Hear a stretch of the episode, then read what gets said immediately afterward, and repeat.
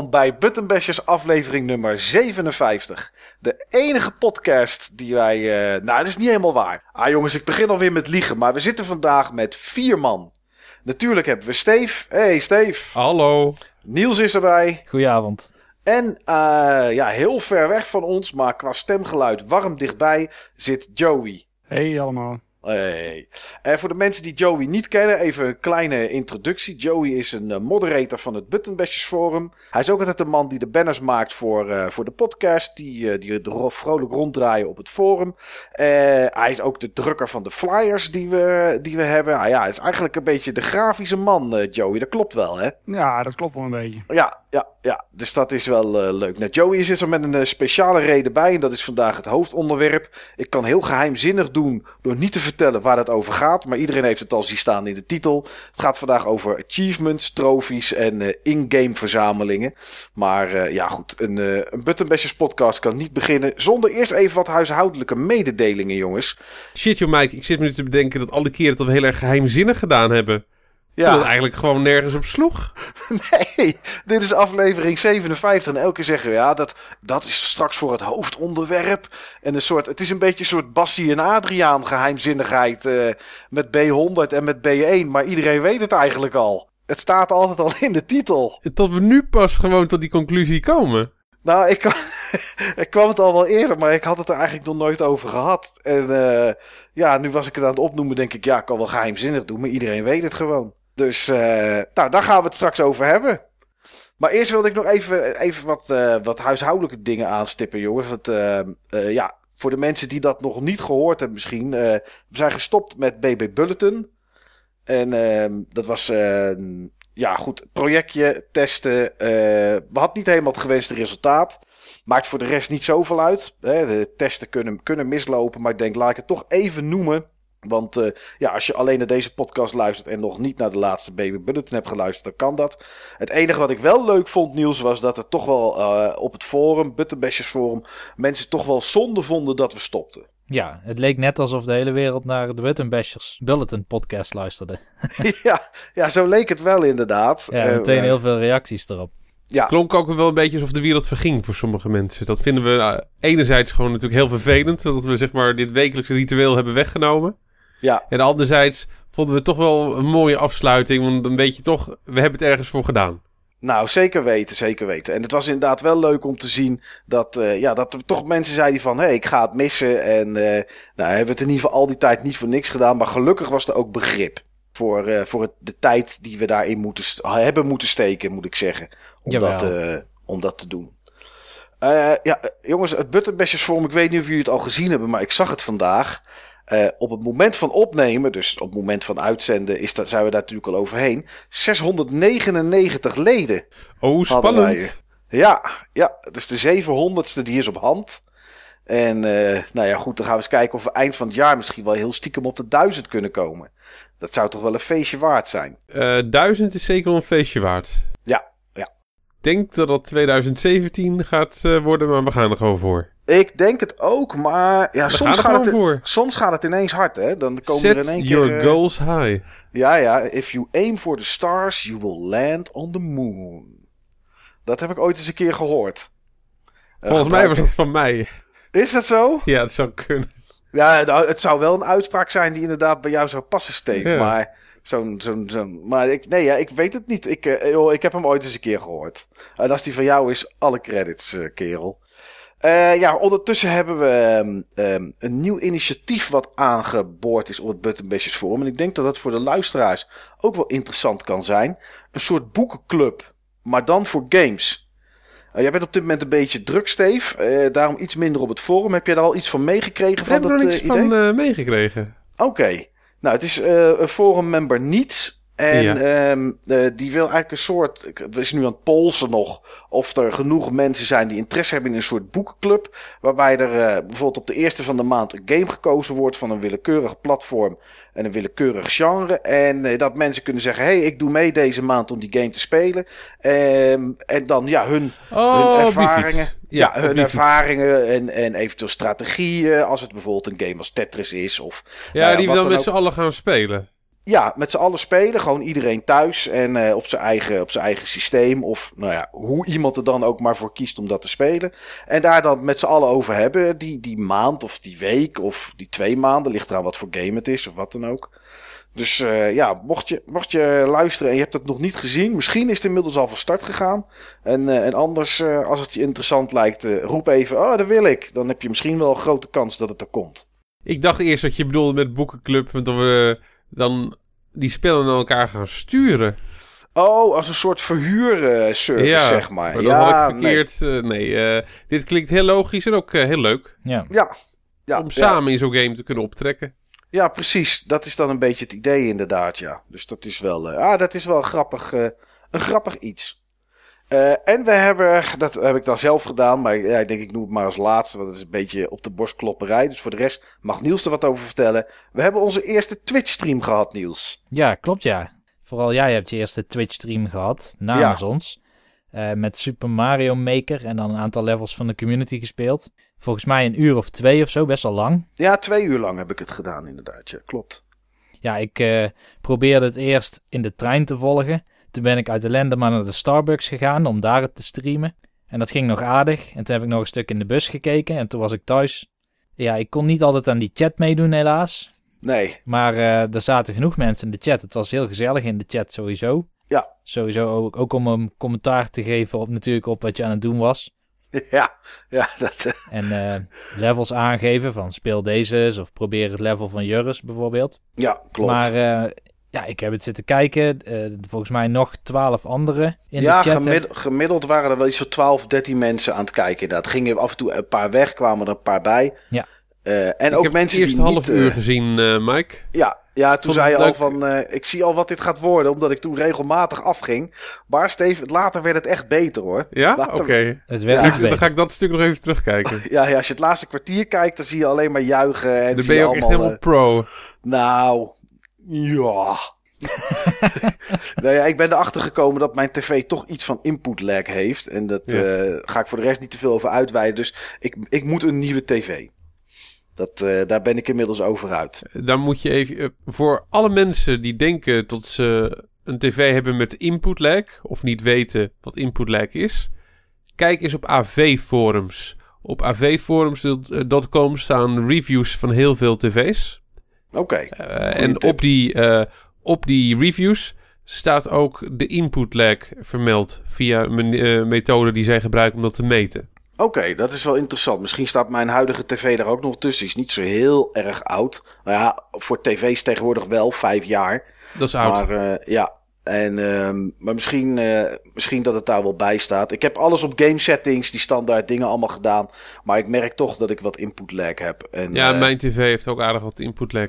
Ja, en dat merk je dus bij zoiets als Super Mario Maker en bij Zen Pinball die ik veel speel. Dan, eh, ja goed, op die manier ben ik erachter gekomen. Dus, eh, maar goed, was leuk inderdaad. En eh, nou ja, er zullen nog wel meer, wel meer streams volgen die we een beetje willen ja, liëren aan het forum. Dus misschien met zo'n boekenclub, misschien met een retro challenge. Misschien, nou ja goed, dat moeten we nog een beetje bekijken. Maar het is in ieder geval geweest. Ja, tot zover denk ik even de huishoudelijke mededelingen. En eh, ja, is het nu tijd voor een, eh, een lekker muziekje, Niels. En dan gaan we snel door naar de Game Talk. Waarin we eens gaan kijken wat onder andere Joey heeft gespeeld.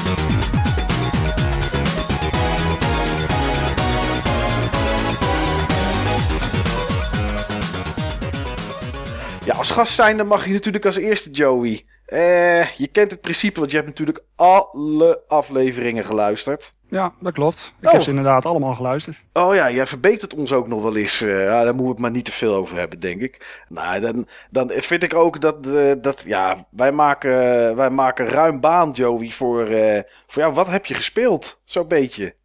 Nou, ik heb me de afgelopen weken eigenlijk bezig gehouden met, met een game die, die Niels volgens mij al eens kort genoemd heeft. Ehm, ik heb hem een tijdje geleden tijdens een sale gekocht. Ah, kijk. Ehm, namelijk Shovel Knight. Ah, oh, dat is leuk. Daar ben ik op dit moment ook mee bezig eh, om te spelen. Oh ja? Ja, ja, ja. En ik kwam juist kopen in de January sale van eh, PSN. Oké, Oh ja? nou. Ja, ik heb, eh, ik heb toevallig nog een aantal afleveringen teruggeluisterd daar, eh, Steve. En ja, daarin hoorde ik eigenlijk dat jij niet eh, van dit soort eh, games hield. Ja, maar dit is een uitzondering. Oké. Maar Shuffle Knight is, voor, is, zover ik tot nu toe gespeeld heb, wel een goede titel. Maar als dat niet zo is, Joey, verbeter me. Nee, het is absoluut een goede game hoor. Alleen, eh, ja, ik hoorde Steve ooit een keer zeggen dat hij eh, niet van dit soort eh, games hield die in een retro jasje gestoken ja, zijn. dat, dat klopt, dat is ook zo. Maar dit is een uitzondering. Oké. Ja. Nou, ehm Shuffle Knight is in ieder geval een indie game ja, die volledig in 8-bit eh, gemaakt is. Ehm, dus zowel de graphics als de muziek zijn, eh, zijn volledig in 8-bit. Ehm, het is een, eh, een 2D eh, platforming game die veel elementen leent uit eh, ja, oude NES games. Ehm, de levelopbouw is bijvoorbeeld net als Mega Man. Ehm, Ja, Met van Ja, die hebt- scrollende schermen en zo, hè? Ja, klopt. En je hebt ook thema's en ja, knights als eindbaas eigenlijk. Ja, je speelt in de game eigenlijk als, als ridder, zoals de naam al doet vermoeden. Ehm, en je gaat gewapend met een, met een schop, een shovel. Ga je op pad om een eh, prinses te redden van, eh, van een kwaadaardige tovenares. Ja, voor het verhaal hoef je het dus niet te doen. Nee, maar ja, welke de game gameplay wel? is, ja, nou ja, de gameplay is in ieder geval erg goed. Het is, het is echt een ode aan, eh, ja, aan die oude NES-games eigenlijk. Want het speelt ook echt als een NES-game. Wat ik eh, bijvoorbeeld erg tof vind, is dat je in elk level een optioneel wapen vindt. Die, eh, ja, die je met Magic kunt gebruiken. Heeft elk level een, een echt elk level één wapen liggen? Ja, elk level heeft één wapen. Ehm, volgens mij heeft het spel acht levels. Maar je hebt die, die, die optionele wapens heb je niet nodig om het spel uit te spelen. Heeft het maar acht levels? Ja, het spel heeft acht main levels in ieder geval. Ja. En daarnaast heb je nog wel een aantal eh, ja, optionele levels. Waarin je eh, schatten kunt vinden en eh, optionele eindbazen kunt, eh, kunt bevechten. Oké. Maar de main game heeft echt eh, acht levels. Ehm, deze hoef je trouwens niet in, eh, in volgorde te spelen. Je kunt ze gewoon eh, ehm, per gebied kun je ze spelen. Je, je begint gewoon in een, eh, in een vrij makkelijk gebied waar je drie levels kunt spelen. Dus zodra je die hebt gespeeld, dan kun je, kun je verder. En eh, in het volgende gebied kun je weer drie levels doen.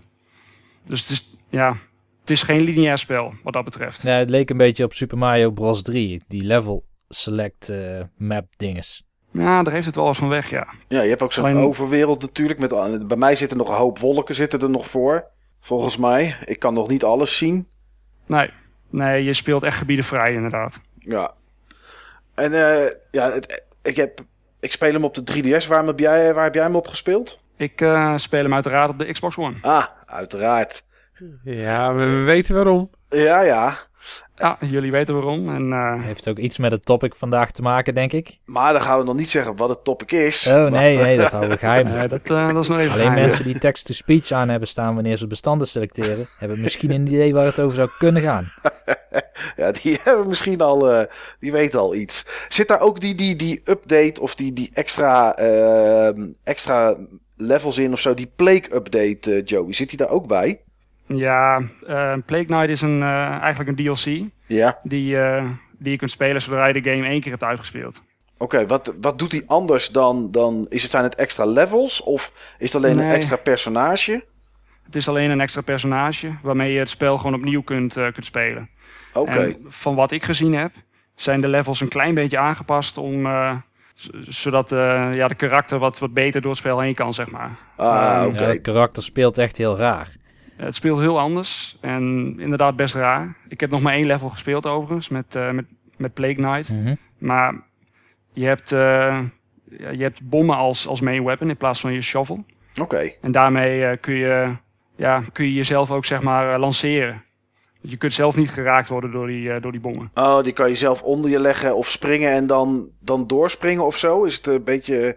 Bij Ja. Team Fortress kan dat ook, zeg maar. Dan kan je jezelf de lucht in schieten met een raket. En, eh, of met een, eh, met een raketwerper. En dan weer de andere kant op. En dat kan ook dus met die bommen, zeg maar. Klopt. Ah, dat is het verschil met Plague Knight. Oké. En, ehm, eh, maar je hebt hem al uitgespeeld. Heb je dan ook alle additionele levels? Heb je alle wapens? Heb je alle liedjes voor de Bard? Want die zitten er ook nog in. Die je kan Ja. verzamelen. Nee, ik heb, ik heb inderdaad alles gedaan. Ehm, ja, uiteraard voor de achievements. Ja. Ik heb eerst de game gewoon, eh, gewoon één keer uitgespeeld. En eh, daarna moest ik hem nog een keer uitspelen binnen anderhalf uur. Oké. Dan doe je gewoon alleen de, de main levels, zeg maar. En dan skip je verder alles. En ik heb hem nog een keer moeten doen eh, zonder dood te gaan. Ook nog. Oké. Ook nog. Oh, nou, dat lukt mij op dit moment Zonder dood te gaan. erg. Was dat pittig? Het klinkt moeilijker dan het was. Want je, je kunt eh, gewoon saven naar elk level. Dus als je dan een keer doodgaat, dan, eh, Ah, dan oké. ga Ja. je gewoon terug naar het menu en dan, beg- dan begin je opnieuw. Oh, dat is het goed te doen, denk ik. Het is goed te doen. Je moet gewoon even eh, de level layout scannen en dan kun je, kun je het prima doen. Ja.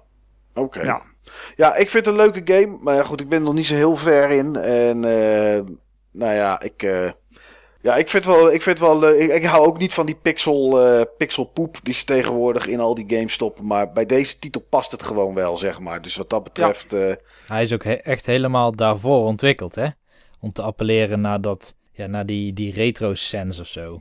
ja, het is ook het springen wat je doet met de shovel is natuurlijk ook gewoon de pogo stick van DuckTales. eh Ja, Ja, het, is precies, het is precies dat, zeg maar. En eh, ik vind het ook wel grappig dat het juist nu over deze game ging. Want ik was toevallig vorige week aan die co-op mode begonnen. oh, oké.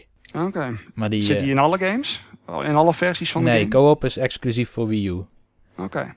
En dan loop je echt met, met twee shovel knights tegelijkertijd door het veld? Of? Dat is precies wat er gebeurt. Oké, Dus grappig. eh, het, het is eigenlijk best wel leuk. Het lijkt alsof het niks toevoegt, omdat je gewoon een tweede speler hebt die een beetje mee kan helpen. Maar eh, ja, ik, ik heb ook altijd leuk gevonden om met eh, die nieuwe Super Mario Brothers serie, om dat met meerdere personen te doen. En ik speel het dan eerst zelf uit en daarna met z'n tweeën. Nee, maar dit is wel echt, eh, echt een mooie toevoeging. Weet iemand wat die Amiibo toevoegt trouwens, jongens? Dat is die co-op. Dat is die co-op. Ja, die co-op kan alleen met de Amiibo. Oké. Oh, het zal eens niet. Het eh beetje nep. Maar, maar onze aversie denk ik tegen Amiibo eh, begint steeds groter te worden. Nu eh, Legend of Zelda, eh, Twilight Princess taferelen zien. Maar, Maar had jij ook niet een Amiibo laatst? Voor Super Mario Maker? Ik heb geen Amiibo voor Super Mario Maker, want ik heb toch een andere versie toen besteld. Ja, Oké. Ik heb wel vier Amiibo staan hoor, maar die heb ik allemaal gekregen. Ik heb daar nog geen cent aan uitgegeven. En niet die Shovel Knight Amiibo dus. Nee, die heb ik niet. Jongen, jongen. Nou ja. Ja, maar ja, heb ik ook niet zoveel aan. Ik, ik heb het op de 3DS. Zou het alsnog kunnen met Amiibo, maar ik heb gewoon nog oude klassieke Ja. 3DS. Maar goed, Niels, nu je toch zo lekker aan het babbelen bent. Lekker. Wat heb jij gespeeld? Ja, ik had eigenlijk van alles gespeeld waar ik het er over had kunnen hebben. En je hebt ook dingen niet gespeeld. Maar je hebt het toch dan het einde gehaald. Maar daar gingen we het niet over hebben. Een of andere trein door Japan. Oh ja, je hebt Mijn hemel, jongen, wat ben je aan het doen? Het was die eh, Japanese Railway Simulator. Ja, Dan moet je met een boemeltreintje tussen twee dorpjes op en neer rijden.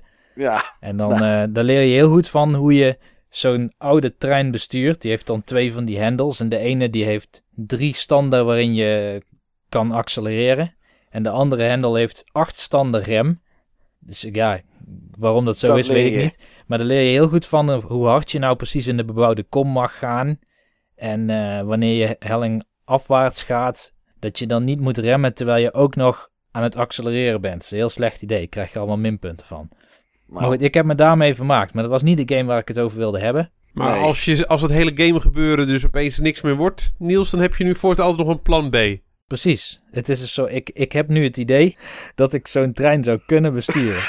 ik zou het serieus doen als iemand het aan me voor zou Nou, als de leggen. machinist opeens onwel wordt eh, en er gevraagd wordt of er iemand is met ervaring, dan lost Niels het allemaal op. Als, als dagbaantje zou ik dat serieus wel een keer willen doen. Alleen ik denk dat het in het echt veel en veel moeilijker is om dat momentum van zo'n trein in te schatten. mag ik dan kolen op het vuur gooien? Of is dat, dat, hoeft niet ding? in dat soort treinen, Mike. Oh, nou Ze dan, zijn net iets nieuwer nog. dan stap ik wel gewoon uit en dan hoor ik het wel op het journaal. Ehm, ik zat gisteren nog te denken om het toch weer over Xenoblade Chronicles X te hebben. Maar daar heb ik nog zoveel uren in. Dus dat gaan nog wel twee, drie Boys Bashers afleveringen overheen voordat ik die heb uitgespeeld. Maar ik was aan een nieuwe game begonnen. Althans, voor mij een nieuwe game. Oh, Ehm, Steve heeft hem al eh, vrij lang geleden gespeeld. Ben En, ik eh, heel benieuwd welke het is. Ja, jij was er super, super enthousiast over. Meerdere keren heb ik aangegeven dat ik hem zou gaan spelen. Maar dat ik zou wachten tot het moment goed was. Of iets dergelijks. Ik weet niet meer wat ik precies erbij heb gezegd. heb ik het ook gespeeld? Jij hebt overwogen het te spelen. Hmm. Nou, voor de draad ermee. Het is Fire Emblem Awakening. Oh ja, want toen had, eh, toen had je natuurlijk geen 3DS op dat moment. Dat klopt. Oh, Ah, ja. oh ja. De, ja in Toen jouw was, die, 3DS. eh, toen was jouw 3DS opgegeten door de hond. Oh, dat was mijn 3DS. Dat is waar. Dat is in Ja. die tijd geweest. Ja, jouw, klopt. eh, jouw 3D-slider was, was, was kapot gebonzood. En zodoende kwam ik toen aan zo'n grote grijze 3DS. Zo'n XL. Ja. En daar was ook weer iets mee. En toen heb ik die, eh, die Zelda-editie gekocht. Nou ja, dat heeft allemaal niks met Fire Emblem te maken verder. Behalve dat ik die daarom toen niet heb gespeeld. Maar nu ben ik er wel aan begonnen. Het komt ook heel erg doordat ik een soort hype begin te krijgen voor Fire Emblem Fates. Ah, Dat is die ja. allernieuwste met drie storylines. Ik hou heel goed in de gaten wanneer die special edition daarvan verschijnt. Die was in Amerika namelijk binnen vier uur uitverkocht. Zo. Oeh, dat is wel snel. Precies, dus ik heb het idee dat ik er nu echt bij moet zijn. En ehm, ja, Steve, ik eh, laat het ook jou weten. Ja, dat is helemaal top, jongen. Ehm, maar goed, eh, Fire Emblem Awakening is best wel een divisive deel in die hele serie. Het is het dertiende deel in de Fire Emblem serie. Eh, sommige mensen zijn er heel erg fan van. Sommige mensen die vinden het bijna niks. Maar het is ook wel echt een nieuw soort Fire Emblem. Het is wel een soort, ik zou het bijna reimagination willen noemen van de serie. Ehm, achteraf blijkt ook dat het ook zo bedoeld was door die makers, omdat dit wel eens de laatste had kunnen zijn. Oh, Daar is een artikel over, over eh, verschenen, net voordat Fates werd aangekondigd, of net daarna, dacht ik. Ja, net nadat Fates werd aangekondigd. Ehm, de Fire Emblem-serie was vroeger redelijk populair. En eh, in de Game Boy Advance tijd zijn er twee van die titels bij ons uitgekomen. Maar op een gegeven moment verkochten die titels niet meer dan 250.000 stuks, ongeveer, bij ons. in totaal. In totaal.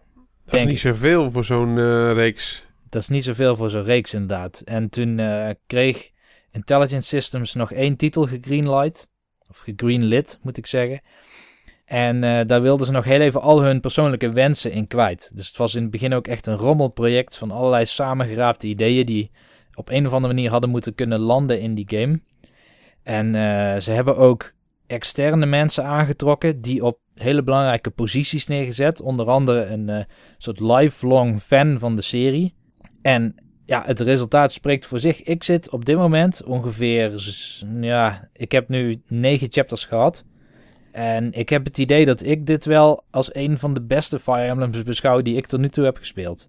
Oké. Hij is leuk, hè? Hij is ik, vond echt- ook, ik vond hem ook echt heel goed. Echt, echt heel erg leuk. En eh, ik heb op basis van wat Steve zei, hem op normal gespeeld. Ik kan hem altijd nog een keer op hard of lunatic spelen. En dan wel classic mode. Dus een karakter dat dood is, is dood. Die komt Ja. niet meer terug. Ehm, in het begin, net als wat Steve zei, lijkt het wat simpel. Eh, maar dat is misschien ook omdat het een- nog een tutorial is voor hoe het ongeveer werkt. Maar na een chapter of zes, dan merk je toch wel dat je heel voorzichtig moet zijn en dat één foutje meteen een karakter kan kosten. Dus ik denk dat dit wel een prima niveau is om het, om het mee te spelen, als je hier niet maanden mee bezig wil gaan zijn. Oké. Ehm, ja, wat is er dan veranderd van deze Fire Emblem ten opzichte van de vorige delen? Ja, ik wou net vragen, wat valt je op inderdaad? Nou, een van de dingen die opvalt, en dat is denk ik ook nou, het, het grootste punt van kritiek wat de meeste fans van de serie, ja, de echte trouwe hardcore oude stempelfans hebben, is dat de stijl is geüpdate naar een nieuwe visuele stijl. Die iets meer heeft van, eh, van die manga-stijl die populair is in Japan. Ehm, dat was voorheen eigenlijk ook. Dus ik weet niet waar precies het probleem vandaan komt. Maar ik denk nu dat de karakters wel allemaal iets excentrieker zijn dan, eh, dan dat we van ze gewend zijn. Iets meer popculture-achtig eh, gedrag vertonen. Ehm, Maar niet overdreven. Maar niet overdreven. En wat ook is, is het verhaal heeft een andere insteek. Ehm, ik moet zeggen dat eh, zo, zo hoog als ik de Fire Emblem serie heb zitten, het heeft echt een soort parallel met Telltale games. In de zin van dat het elke keer hetzelfde is.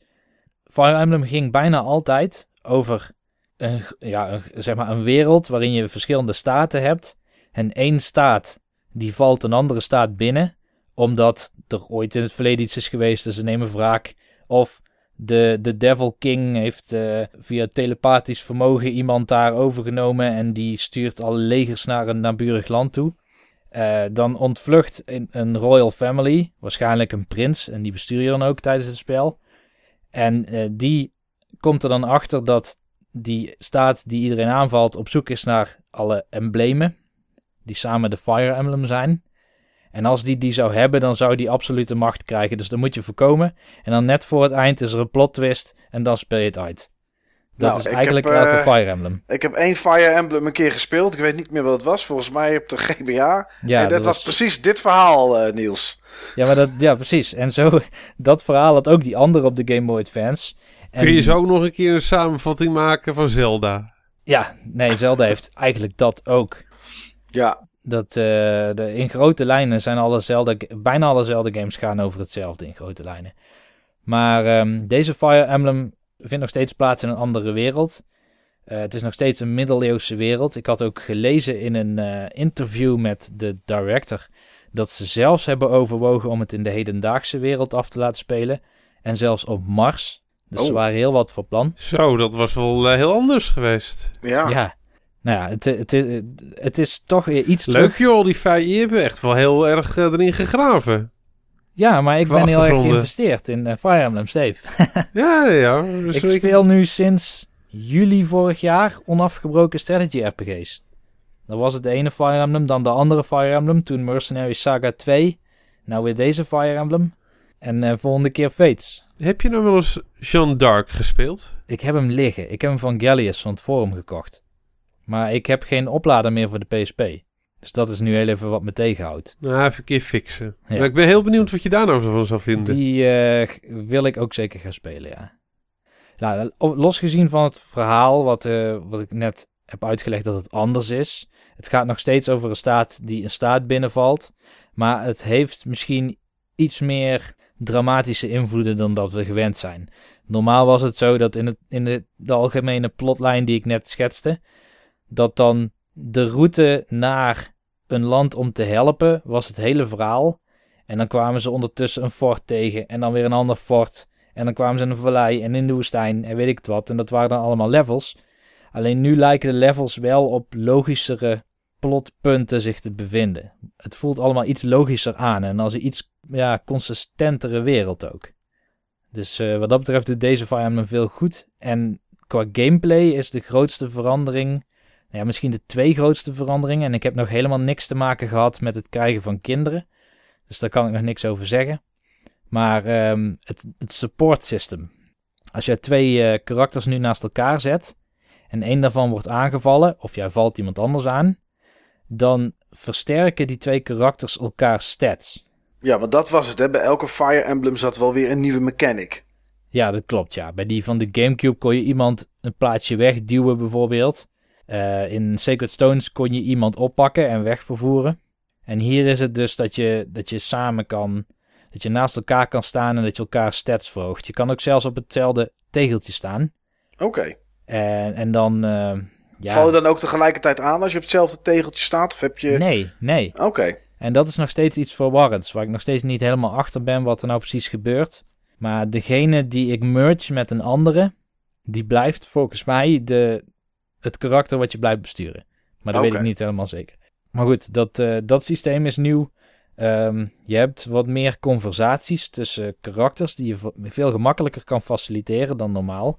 Fire is gewoon een wereld met heel veel karakters. Dus niet een RPG met, met een kleine party die dan een soort hero's journey doormaakt. Maar het zijn allemaal karakters die een of andere relatie met elkaar hebben. En als speler investeer jij in die karakters door ze te levelen, maar ook door ze misschien met elkaar in contact te laten komen, waardoor ze skills van elkaar kunnen leren. Of in ieder geval attributes, eh, of eh, hoe moet ik het zeggen? Ja, het als hun stats daardoor Precies, verbeteren. hun stats ervan verbeteren. Oké. Dat is ook verbeterd.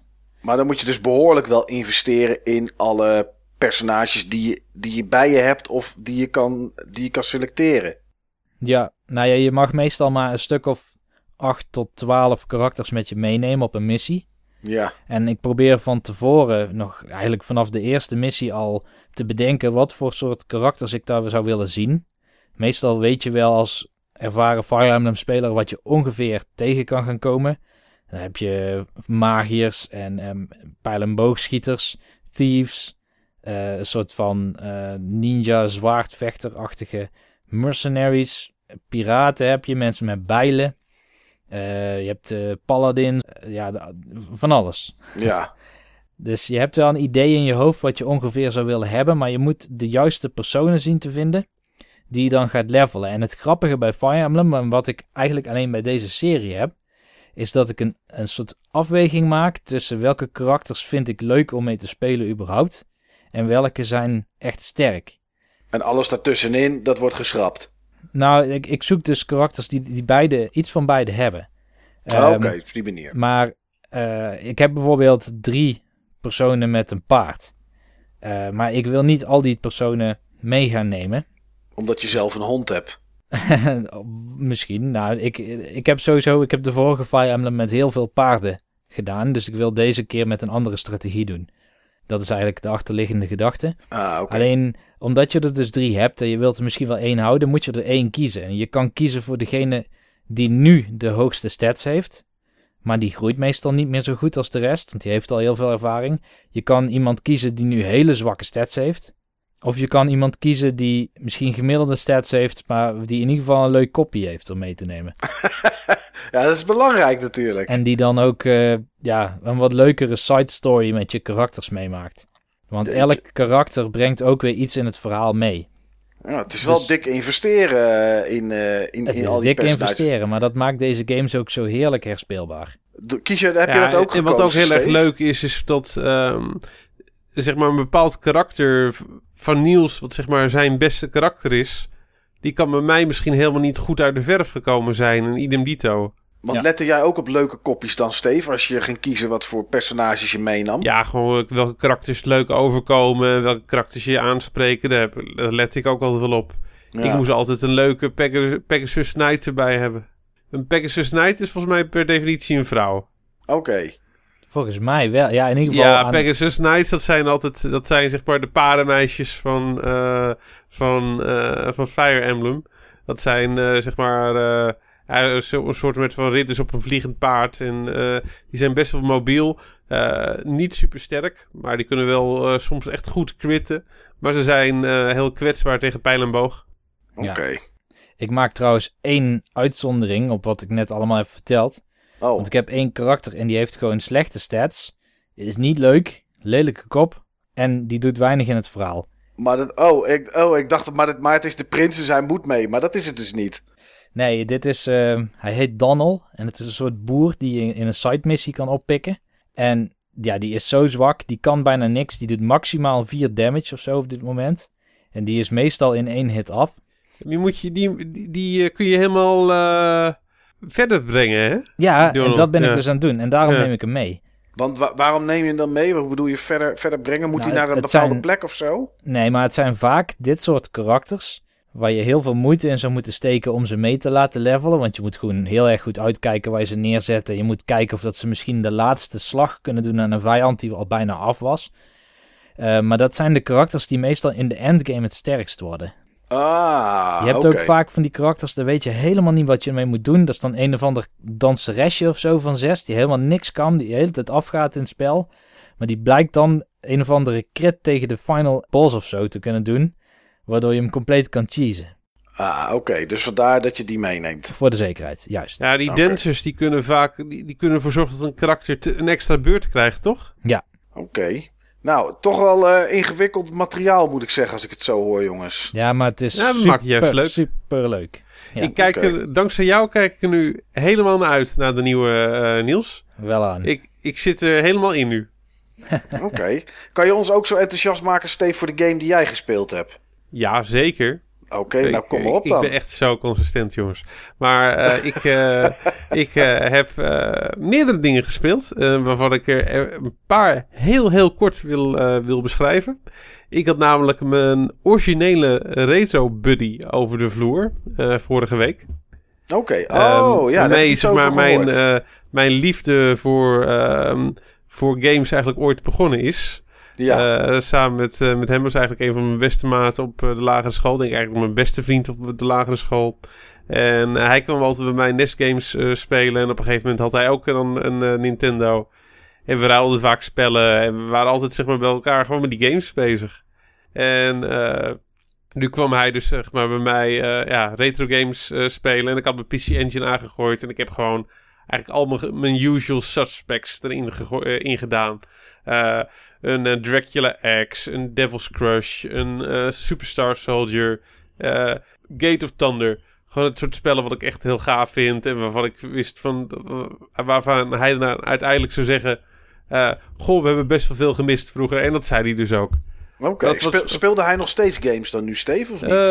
Ja, af en toe met zijn, met zijn kinderen. Oké, En dan vooral wie. ja, ja. Maar dat, was, dat, was- ja, dat was gewoon leuk om zeg maar die, die nieuwe oude games. eh, om die samen dan eh, ja, ook weer te kunnen delen. Ja, ja. Oh, gezellig. Ja, Dat, is wel, dat is wel cool. Ja. maar, maar dat was niet wat ik eh, in het bijzonder uit wou lichten. Dat is namelijk mijn eh, favoriete soort, soort spel. Echt een, ja, een genre waar ik altijd heel erg enthousiast over geweest ben. Oké. Ja, games die gemaakt zijn om zeg maar er oud uit te zien. oh. ja. Ja. Eh, ik, eh, ik had zitten kijken naar, ehm, naar eh, Shovel Knight. Ja. En ik had nog eventjes op internet zitten kijken. En toen had ik... ja, ik weet niet eens precies waar het was... maar ik had wat enthousiaste dingen gelezen... over een iPhone-game in diezelfde stijl... die nog niet zo heel lang geleden is uitgekomen. Oh, hoor eens even. Venture Kid. En eh, Venture Kid is eigenlijk een Mega Man clone.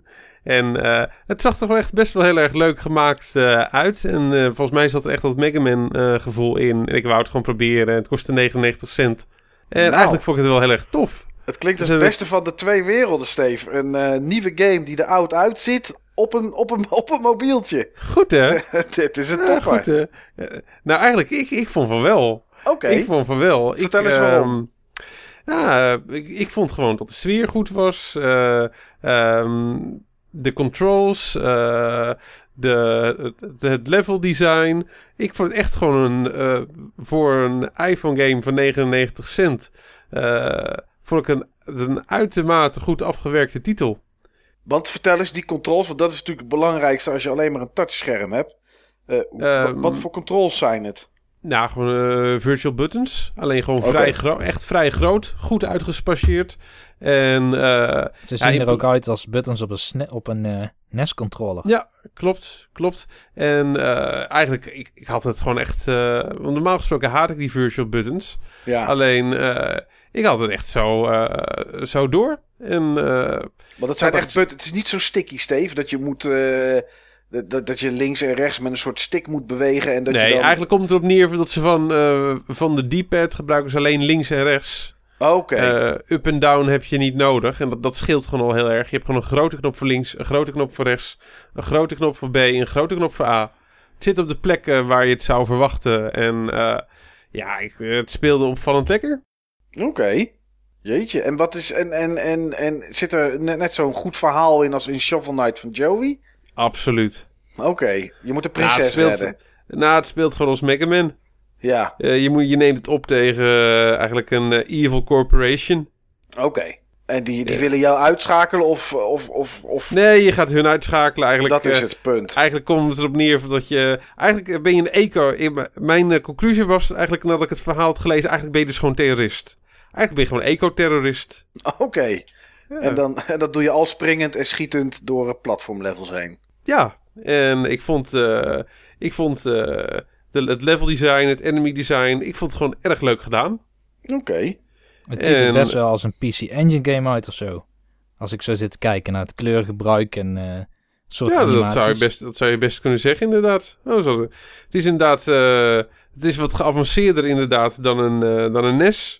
Ik denk dat inderdaad, ja, het omschrijven als zeg maar hoe Mega Man eruit had kunnen zien op de PC Engine, dat dat helemaal geen verkeerde omschrijving is. Oké. Maar het heeft gewoon echt alle gameplay elementen van Mega Man hoor. Dus uh, als je Mega Man fan bent of je vindt Mega Man gewoon leuk en je wil eens een keer een, uh, ja, een goede platform game proberen op, uh, op smartphone. kijk er eens naar. Venture, Venture Night. Venture Kids in ieder geval op de, op de iPhone. 99 cent. Nou, daar kun je geen bouw aan vallen. Ik heb nog wel een hele belangrijke vraag, Steven. Dat is iets wat, ik, wat voor mij wel van belang is bij dit soort titels. Ja. Uh, als dat poppetje springt, hè? Doet hij zijn mondje open? Ja, doet hij dat? Nee. Oh, damn, dat is zonde zeg. dat had ik zo graag gewild, want dat vind ik zo gaaf van Mega Man. Oh, ja, dat, dat, vind ik dat is wat je het mooiste vindt aan Mega Man, toch? Ja, mondje. tuurlijk, Daar gaat tuurlijk. hij helemaal strak op. Ja, daar krijg Ja, ik dat koude weet- dat heb rillingen ik dat- van. Ja, ja, dat... eh, nee, helaas niet. Joey die zit nu heel eh, door zijn aantekeningen van... Mike heeft ooit toch gezegd dat hij dat irritant vindt. Wat is hier aan de hand? Nou ja, Joey, dat... eh, Ja, je, je onthoudt het gewoon niet goed, Joey. Nee, je hoort hem bladeren ook inderdaad door zijn aantekeningen. Ik kan het zo snel niet vinden. Nee, aflevering 31, zoek maar na. Nee, maar eh, nou ja, wel leuk Steve dan. En, en is het onderweg ook een beetje te doen? Of ik bedoel, save het op elk punt? Of moet je toch wel echt 10 minuten kwartier hebben om een level te doorspelen? Eh nou, vijf tot tien minuten. Het zijn vrij Ah, korte levels. Ze zijn, ehm, ze zijn eh, vrij kort. Je het is moet wel gewoon echt eh, mobielvriendelijk, zeg maar. met pixel perfect jumps en dat soort dingen. Het is wel, eh, ik vond het op sommige punten nog best eh, pittig voor een mobile game. Maar eh, ik vond het wel mobile friendly. Oké, oké. Nou ja. Is het ook voor Android, weet je dat? Weet ik niet. Weet ik niet. Moet ik, even ik ga het nu even opzoeken. Ah, het zal vast wel, denk ik. Heb je nou bij dit soort games eh, niet last dat je vingers eh, op een gegeven moment in de weg gaan zitten van het scherm? Nee, eigenlijk niet. Want zetten de knoppen echt op het, op het veld of zitten ze eronder? Nee, die knoppen die zitten eronder en ze Oh, zijn... eh, ja, eh, er is veel, veel screen real estate aan, aan gespendeerd. Maar oké, het is dus niet zo dat je inderdaad, net zoals bij heel veel games, met je vingers op je scherm zit, zodat je eigenlijk niet ziet waar je poppetje is. Nee. Nou, dat is wel goed gedaan dan. Touch Arcade, zeg maar een, een leidende website voor mobile games, die geeft hem een goed cijfer. Oké. Die geeft hem een 7. En... Ik heb nu de store voor eh, Android openstaan. En ik zie niet direct Venture Kit. Ik zie wel een guide voor Venture Kit. Nee, nee, nee, is er niet. Er staat iPad games, iPhone games, iPod eh, Touch games. Dus hij is er alleen voor iOS. Ah, dat vind ik wel jammer zeg. Want anders dan Ja, had dat ik snap hem... eh, ik. Ja, dat ja. snap ik. nou, dan ga ik de iPad hier in huis maar een keer opzoeken om hem te spelen. Eh, ja, Steve, vraag maar aan mij wat ik gespeeld heb. Dat is wel ook wel grappig. Maar wat heb jij zo gespeeld, Mike? Ik heb heel veel gespeeld de laatste tijd. Ik zit behoorlijk eh, in de games. Eh, ik heb ook wel wat nieuwe dingen gespeeld, wat, wat oude dingen. Eh, Super Mario Maker natuurlijk, maar dat wisten we al. Maar ik ben vorige week begonnen. Ik ben nog niet zo heel erg ver in, maar ik, ik, ja, ik vind het toch wel rustgevend om er iets over te vertellen. Ik ben begonnen aan een PS Vita game, terwijl ik geen PS Vita heb. Ehm, dus dat doe ik op de Oeh. PS4. Dat was inderdaad mijn volgende vraag. Hoe doe, hoe doe je dat dan? Ja, want daar is die ook voor uitgekomen. Alleen daar hebben ze er wat achter geplakt. Ik ben begonnen aan Tearaway Unfolded. Aha. Ja, de... Tearaway. Ja, Tearaway, de media En wat vind je van Tearaway tot nu toe? Ja, ik vind het heel rustgevend. Rustgevend. Nou, echt. eh, je klonk al zo zen. Ja, nee, het is, ehm, ja, het is een platformer gemaakt door Media Molecule. De mannen en vrouwen van, eh, van Little Big Planet en eh, van Dream wat eraan komt. Ja, en het is... Het, het, ik zou bijna zeggen, jongens, vraag is wat ik van het verhaal vind. Maar doe maar niet, want het verhaal is ook heel... is een beetje wazig. Er is iets met een koning en met appels. En dan is er in één keer weer iets met een toneelstuk wat niet door kan gaan. En ja, dan is er weer iets anders aan de hand. Het is een beetje vaag wat er nou precies er allemaal in die wereld afspeelt. Maar waar het op neerkomt is dus in een scheur in het eh, universum. En daardoor zijn eh, een soort zwart-wit krantenpapiersnippers zijn naar, ja, naar, de, naar, de, naar de wereld gekomen. En ehm, ja, goed, die bedekken stukken van de wereld. En dat zijn ook wat tegenstanders. En de truc is bij Tearaway dat alles eigenlijk van papier is. Jij als personage bent van papier, maar ook de wereld. En ja, Unfolded is een leuk eh, woordgrapje bij om, bij een game waar het over papier gaat. Maar dat is ook wat er met heel veel dingen gebeurt. Heel veel dingen vouwen uit als papier. En er zijn natuurlijk papieren hoedjes en papieren bootjes. Maar ook bloemen, planten. Ja, echt alles is, uh, is van papier. Uh, ja, en het is een hele rustige uh, platformer zonder enige druk.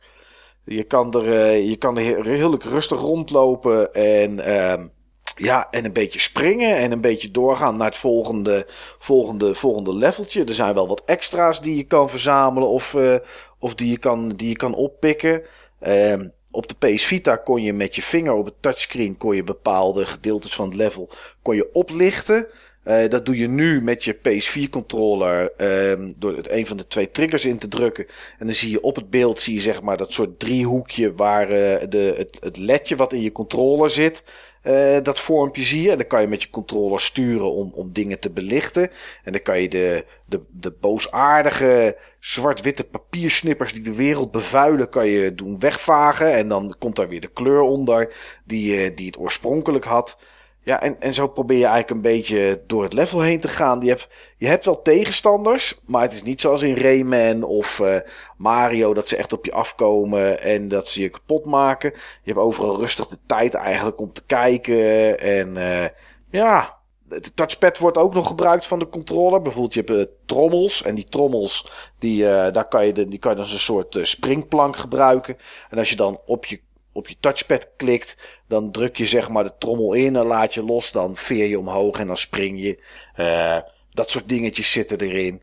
En ja, ik weet niet. Het is, het is een titel die vrij goedkoop is op dit moment. Uh, eurotje of 20 gemiddeld. Ik geloof dat mensen hem laatst al voor 15 bij de Mediamarkt hadden zien liggen. Uh, ja. ja. Hij is helemaal niet lang, uh, nog niet lang uit inderdaad. Nee, volgens mij november zeg ik even uit mijn hoofd. Ja, zoiets, denk ik. Ja, uh, toen was hij ook niet volledig geprijsd hoor. Toen was hij ook geen 60, uh, geen hij 60 was toen euro. 40 of uh, 50, geloof ik. Ja, volgens mij inderdaad 40. En uh, ja, ik, ik, het is gewoon heel, heel ontspannen eigenlijk. Heel relaxed. En uh, ja, het is, wel, het is weer eens wat anders voor de, voor de verandering tussendoor. Je moet wel een beetje tegen artsy kunnen. Hé hey Mike, ik vroeg me af, hè, want ik heb hem ook. En uh, op de achterkant, maar ik zit nog in het plastic. Ja. Op de achterkant staat dat hij ook dingen met de PlayStation Eye doet. Heb jij zo'n ding? Nee, ik heb zo'n ding niet. Dus ik heb geen idee wat hij ermee kan. Ja, bij de Vita-versie gebruikte hij ook die camera en dan had je je gezicht en dat zat dan in de zon. Oh, oké. Okay. Dus ik denk dat hij dan dat soort dingetjes vervangt met die PlayStation Eye. Maar als je die niet hebt, vraag ik me af wat er dan wel gaat gebeuren. Of ja. dat ze die er maar uit hebben gehaald. Ja, ik denk dat het dan de uit. Ja, dat zou ik. Dat, dat weet ik eigenlijk niet. Okay. Uh, misschien, misschien wat erin zou kunnen zitten, bedenk ik me, is. Uh, op een gegeven moment krijg je een fototoestel. En dan kan je foto's maken in de wereld. Maar je kan ook een selfie maken. Uh, en nadat je dat gedaan hebt, kan je dan je gezicht customizen met uh, papiersnippers die je dan kan kopen. Met de muntjes, zeg maar. Uh, die je, het zijn geen echte muntjes, maar maar even aan te duiden als. Met de currency, met het geld wat je in de wereld verzamelt, kan je dan een snor kopen en een. En weet ik veel, een stuk plakband of uh, nou ja, een hoedje en dat soort, uh, dat soort zaken. Dus Zo. misschien dat ze daar, ja, ja, het is. Uh, Niet te gek, hè? nee, ja, de customization van je personage die is, gaat helemaal los, joh. Oké, okay, ja. Dus, en ja, weet je, het, het is een van de weinige games die een beetje gebruik maakt van wat, wat, wat die PS4 kan qua functies. Want op een gegeven moment is er ook een, een koning. En het, het, is geen spoiler hoor. Maar het is een koning en die is zijn kroon kwijt. Nou, die moet jij dan tekenen, zeg maar, op je touchpad van je controle. Nou, die is natuurlijk super klein. En als je dan zo van die worstenvingers hebt, zoals ik, blijft er niet heel veel ruimte meer over om een echte kroon te tekenen. Dus bij mij werd het een soort, ja, een soort gebakken ei werd het eerder.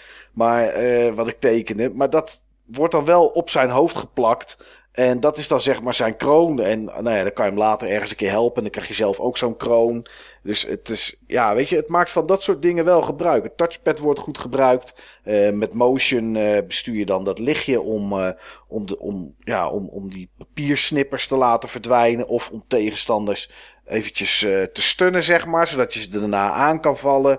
Um, of laten aanvallen door iets. Ja, het is wel, het is gewoon, het is, het is grappig. Het is niet al te moeilijk tot nu toe. En, eh, maar ik zit er misschien een uur of eh, vier, vijf in of zo. Ik denk dat ik al ergens op de helft ben, want volgens mij was die game niet zo heel erg lang. Maar eh, ja, ik weet niet, als je een keer iets anders wil en toch wel een platformer, dan, ja, dan is dit best wel een aardige titel. Nou, ik denk dat ik hem niet zo heel snel ga spelen. Maar ik heb hem liggen en dat heb ik voor een reden. Ja, Dat is om het te spelen. ooit een keer te spelen, inderdaad. Precies. En voor die prijs kon ik hem echt niet laten liggen. Nee, zeker niet. Zeker niet. Daar is het, eh, nee, dat is best een leuke titel voor. En eh, ja, goed. Het is, het is natuurlijk een heel mooi bruggetje naar ons hoofdonderwerp. Want ik ben daarin wel. Ja? Ik moet trouwens nog één ding eh, zeggen, jongens. Dat had ik al zeg maar de hele tijd in mijn hoofd. Oké. Ik moet nog één ding rectificeren uit onze vorige aflevering. Oh, nou ja, dat. ja, eh, dat en niet het, minste, niet het minste ding. Nou, daar ga Ik ik even voor wel een zitten. beetje erg om te zeggen. En dan neem ik er een slokje voor, eh Steve. ja, dat zou ik zeker doen. kom je had met, al een eh, keer je top 3 gerevised in de vorige aflevering, hè? Ja, en dan gaat nu weer iets aanpassen. Nou, kom maar, Steve. Eh, Ja, mijn, mijn top 3 over het jaar. ja. Ja, Ja, ik er zat eh, natuurlijk Shadow of Mordor tussen. Ja, eh, maar veel belangrijk nog, ik heb gewoon het eh, beste spel wat ik het jaar gespeeld heb en wat, ik, eh, wat wel dat jaar was uitgekomen. Mhm. Ook al was het een heruitgave. En daar dacht ik er niet direct aan. En het beste spel dat ik eigenlijk sinds lange tijd gespeeld heb, heb ik gewoon helemaal niet genoemd. Nou, kom maar op dan. Dan, ma- dan Ja, mag het nog Journey. eventjes. Journey. Ik ben gewoon Journey vergeten. Jeetje, ja. Ja, en daar was ik zo van onder de indruk. Ja, dat, dat had gewoon op één gemoeten. Ja. Dat had absoluut op één gemoeten. En het had ook gemogen, omdat die PS4-versie gewoon echt vorig jaar is verschenen. Dus ik baalde ervan, want ik, ja, ik besefte me opeens vorige week. Ik denk van, nou, dat, eh, wat, wat erg. Ja, dat Journey. Nou ja, dan is dit eh, patch 1.2 is dit dan, Steve, ja, zeg patch maar. 1.2. En die voegt, Dus- eh, die voegt niet een, een fix toe of wat dan ook. Voegt gewoon een hele game toe. Ja. Ja, 1.2 ik, ik, voegt ik Journey denk dat toe. ik, eh, dat ik volgend jaar met het uh, jaaroverzicht toch iets, maar, iets beter maar mijn best moet doen. Ja. Nou ja, ja, dat, was een beetje, ja, maar ik weet ook wel hoe het komt. Ik heb hem natuurlijk maar heel kort gespeeld, want het is maar een hele korte game. ja, het is twee uurtjes. Als je hem achter elkaar uitspeelt, ben je met twee, tweeënhalf uur ben je er doorheen Ik had hem gewoon eventjes niet top of mind. Nee. Nou ja, goed, goed om hem nog geval genoemd te hebben, Ja. Steve. Want het is wel echt een titel die de moeite waard is. Ja. En eh, dat zien we ook op Button Bashers Forum wel. Er zijn heel veel mensen eh, die dit gespeeld hebben en die echt onder de indruk zijn. Ja, Dus en, eh, en dit is echt zo'n game waarvan ik vind dat iedereen hem eigenlijk gespeeld zou moeten hebben die hem kan spelen. ja, zeker weten. Je hebt er niet zo heel lang de tijd voor nodig. Dus op een vrijdagavondje kan dat prima. Of op een zaterdagochtend. Ja. Dus eh, PS3, PS4, ga ervoor. zeker weten. Ehm, ja, ons hoofdonderwerp eh, weten we inmiddels wel. Het gaat over eh, verzamelen en dan niet eh, games verzamelen zoals verzamelaars op het Button Bashers Forum dat doen. Het gaat over achievements, over trofies en ja, verzameldrang in games. En ja, dat, daarvoor hebben we Joey vandaag bij ons. En voordat we daarover gaan hebben, eerst maar eventjes een, even een break.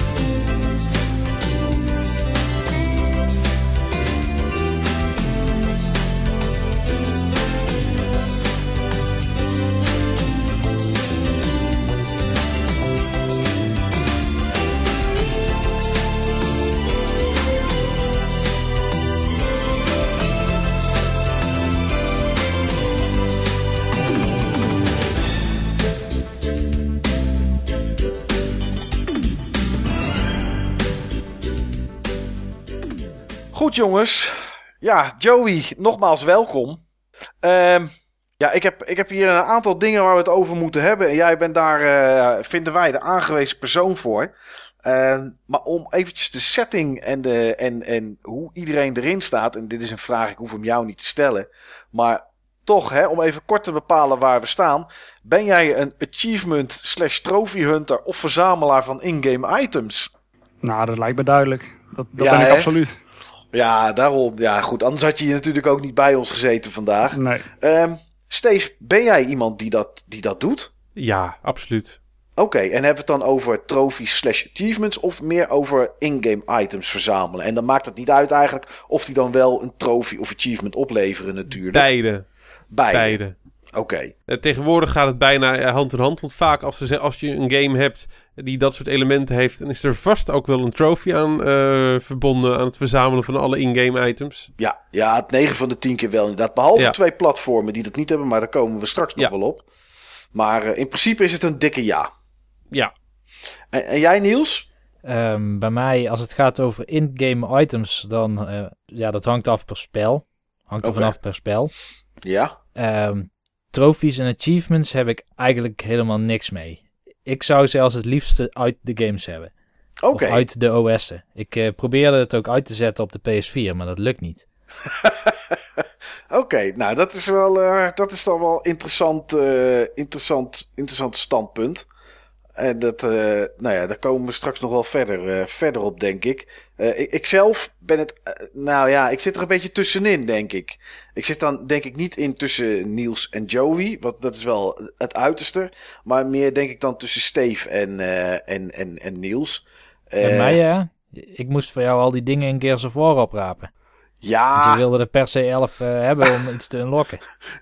ja nou, dat, daar kan ik ook wel gelijk antwoord op geven. Als ik er langs loop Ja, en het kan, dan doe ik het. Maar ik ga er niet voor terug. ik laat ze liggen. Ja, jij wel inderdaad. Behalve dan weer bij bepaalde type games. Dus weet je, ik zit er, ik zit er een, een beetje tussenin. Maar, maar. Joey, vertel eens waarom. Waarom wil jij elke game die je eh, voornamelijk op de Xbox One hebt... en daarvoor waarschijnlijk op de Xbox 360... waarom wil je al die achievements? Ja, ik denk dat het toch wel iets met mijn eh, karakter te maken heeft. Ehm, ik ben namelijk redelijk perfectionistisch en heb altijd al een, een zekere verzameldrang gehad. En eh, ik, ik ben opgegroeid in, eh, in de tijd waarin de Nintendo 64 helemaal eh, hot was. En in die games stond verzamelen natuurlijk vaak centraal. Ja. Denk aan een eh, Donkey Kong 64 of een Banjo-Kazooie. En daarin haalde ik eigenlijk ook al altijd alles wat er viel te verzamelen. En ja, Donkey Kong 64 is daar echt het, het toppunt eh, in. Daar was echt zoveel in te verzamelen. En voor veel mensen was dat gewoon te veel, maar ik vond het gewoon echt helemaal geweldig. Oké, jij moest alles hebben gewoon. Ik moest alles hebben. En Oké, ik denk dat het daar ook een beetje uit voortgekomen is. ja. Ehm, Dus is, is het dan nog wel een leuk en een kick... of wo- wordt het behoorlijk dwangmatig? Ja, het kan behoorlijk dwangmatig worden. Alleen ik merk ook dat ik niet altijd die drang heb, zeg maar. Het, het is bij mij echt in periodes dat ik, eh, ja, dat ik achievements hunt, zoals, eh, zoals dat dan eh, heet. Ja, Ehm, en als het dan echt weer een, een bepaald punt bereikt, dan merk ik ook dat ik er gewoon helemaal klaar mee ben. En dan ga ik ook op andere systemen spelen. Oké. Het is dan niet zo dat je dan een game gaat spelen en dan niet alle achievements haalt en dan een half, la- half jaar later die game opstart en dan pas al die achievements gaat halen. Nee, vaak ben ik dan bezig met een game. En die, eh, die pak ik dan later inderdaad wel op. Maar het is niet zo dat ik dan andere games ga spelen die ik heb liggen voor dat systeem. Ik ga dan vaak eh, ja, of, of retro spelen of ik ga naar de, naar de Wii. Ehm, in ieder geval naar de, een... Wii, de Wii een prima systeem als je niks met achievements en trophies wil. Ja, inderdaad. precies. Eh, Nintendo is tot nu toe volgens mij de enige die nog niet eh, eh, achievement... eh, Niet system level in nee, geval. precies. Nee, nee. Oké, het heeft dus niks te maken. Want ja, het woord moet natuurlijk vallen in een uitzending waar het over dit soort dingen gaat. Mhm. Met een, met een, met een e-penis. Daar heeft het niks mee te maken. Ja, daar is het niet mee begonnen. Maar natuurlijk Nee. speelt dat ook wel eh, enigszins mee. Ik bedoel, het is, het is denk ik voor, eh, voor iedereen die hiermee bezig is wel, een, eh, ja, wel iets om, eh, om mee, mee op te scheppen. Want, Ja, ehm, het is natuurlijk iets wat, wat iedereen kan zien. En dat, dat heb je ook altijd wel in je achterhoofd. Van, ja, je wilt een game helemaal uitspelen omdat het gewoon... Ja, ik, ik vind het heel mooi lijken. En dat, dat is ook wel inderdaad wel een reden om het te doen.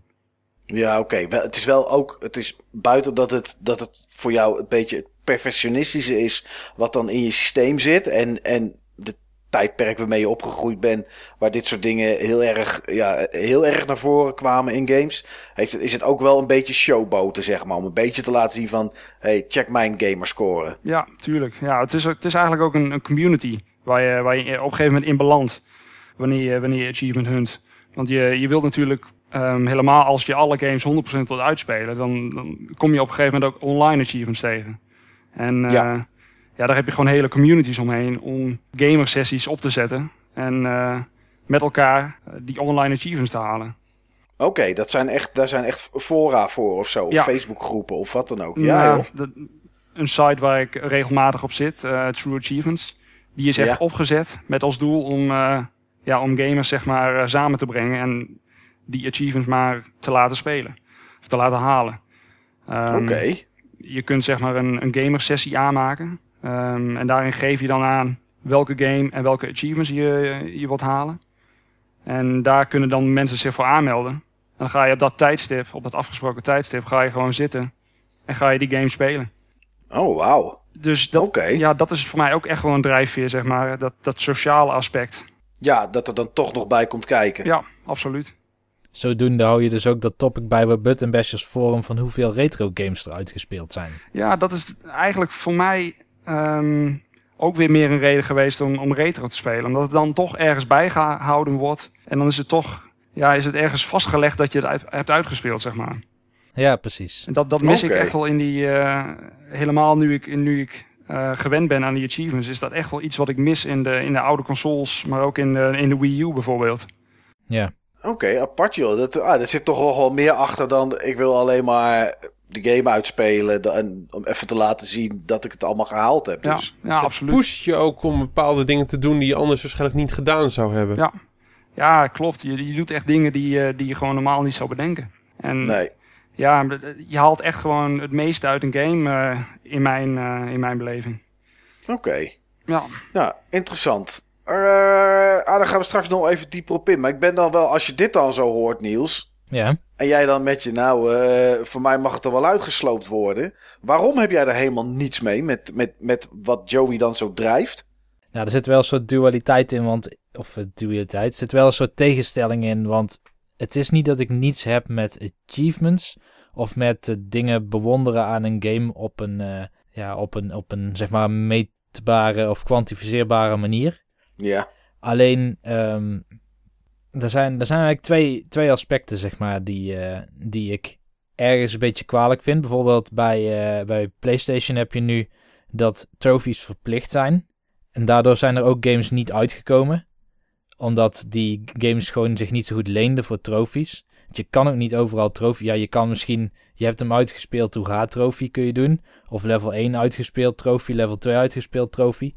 Maar heel veel games die het wat interessanter verwerken in, in zeg maar, de mechanics van de game of in hoe de levels werken, die laten jou juist die randen van die game aftasten om die trofies te halen. Ja. En de game op hele aparte manieren spelen, die een normale speler die alleen maar het verhaal wil meemaken of de game een keer wil samplen, eigenlijk niet meemaakt.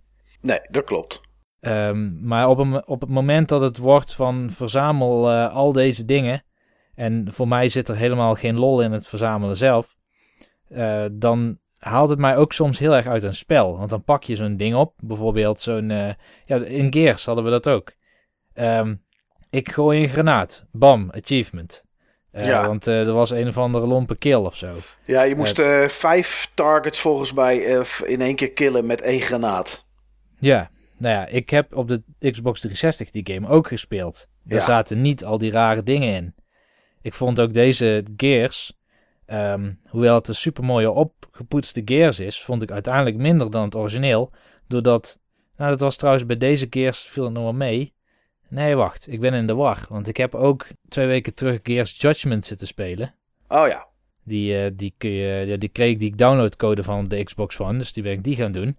Nou, die neemt dus echt achievements uh, naar het extreem. Oké. Okay. Gewoon tussen elke twee deuren of zo in een level wordt er een hele stand bijgehouden van uh, hoeveel kills je hebt, uh, of hoe goed je het hebt gedaan, of wat je allemaal hebt gepakt en gevonden onderweg. Dat uh, brak gewoon de game echt op en af op een bepaalde manier voor mij. Ja, omdat het te veel is en het te veel geënt is op achievements wat dat betreft. ja, het ligt er zo dik op. Dat het eigenlijk ten koste gaat van de immersion, zeg maar, van de game. Of de flow die je probeert, de- waar je probeert in te blijven en die jou drijft om door te gaan. Bij mij is het juist dan dat ik denk, oh wacht, de game wil eigenlijk dat ik eh, bezig ben met die getalletjes eh, die mij niet interesseren. Het leidt te Ja. veel af eh, in principe. Voor mij leidt het inderdaad te veel af. En het is ergens dubbel, want ehm, iets wat ik bijvoorbeeld wel tamelijk vaak doe, vergeleken met andere mensen die ik ken, is ik maak best wel vaak Miiverse posts die iets van een achievement in zich hebben. Ja, Maar ik vind een groot verschil tussen een Miiverse post en een achievement, dat de Miiverse post echt vanuit mezelf komt en een hele kwalitatieve, ja, of in ieder geval een kwalitatief aspect van die game probeert te vatten in, in een screenshot of in, of in een eh, opmerking ergens over. Bijvoorbeeld, ik had dan, eh, toen ik eh, de Wind Waker remake speelde op de Wii U, toen zag ik voor het eerst dat bepaalde glas in loodramen dat die iets vertelde over de historie van, eh, van volgens mij een andere Zelda game of zo. ja. En dat was voor Klopt. mij echt een... een eh, Ocarina of Time, volgens mij. dat zou goed kunnen. Voor mij was het echt een soort ontdekking. Dus ik had dan een, een foto gemaakt. van, Hey, check, hier is een eh, glas in lood eruit. Eh, Wat er heel interessant uitziet. Misschien heeft iemand anders daar ook nog wel iets aan. Of ik doe zelfs een beetje aan in-game photography, wat tegenwoordig ook best een dingetje is. Eh, vooral met al die fotomodes die je tegenwoordig in games hebt. Ja. Dus ik leg wel dingen vast van de game en in de ervaring. En ik zoek dus ook wel die randjes op. Maar ehm, ik hou er niet zo van als het systeem mij dat probeert af te dwingen. Nee, het is, je, je, je zoekt die randjes op of je maakt zelf een foto of, of wat dan ook op het moment dat jij het wil. En Precies. niet, niet wanneer een ontwikkelaar eh, van bovenaf geduwd heeft gekregen door eh, de uitgever van de console. Er moeten zoveel punten en zoveel achievements of zoveel trofies in. Ja. Dus dan gaan ze ze er maar ergens inbakken omdat het moet. Nee, klopt. Oké. Jij bent tegenovergestelde dan een beetje weer van Niels, Steve. Ze gaan een beetje zigzaggend overal doorheen. Ja, ik vind het eh, over het algemeen vind ik het eh, erg leuk. Op het moment dat ik het gevoel heb dat de achievements niet te makkelijk zijn. Ja, En op het moment dat ik het gevoel heb dat de achievements niet onmogelijk zijn. oké. Dus dat, dat, daar hangt het bij jou wel een beetje vanaf, zeg maar, of het, eh, of, of het, of het, het verzamelen van die achievements leuk genoeg maakt. Ja, ik, eh, ik hou van een uitdaging eh, Ja. op dat vlak. Ik, en dan kijk, hoe je het ook of verkeerd, het blijft gewoon optioneel iets. Het hoeft gewoon zeg maar het uitdagen, van, het uitspelen van het spel hoeft er niet in de weg te staan. Nee. Eigenlijk verplaats je gewoon zo, zo een stuk van de meer hardcore uitdaging. Ehm, wat, wat meer, wat, wat verder in het spel. Om, terwijl je de kern van het spel gewoon wat laagdrempeliger kan, eh, kan houden. Ja, maar weet je wat Ehm. ik dan heel goed vind slagen daarin? En dat geen achievements had. Dat is Diddy Kong Racing. Die had van die coin challenges. En die coins die lagen altijd van de baan af. Dus daar moest je moeite voor doen om ze te halen. En dan zat het toch wel in de game of zo. En niet eromheen.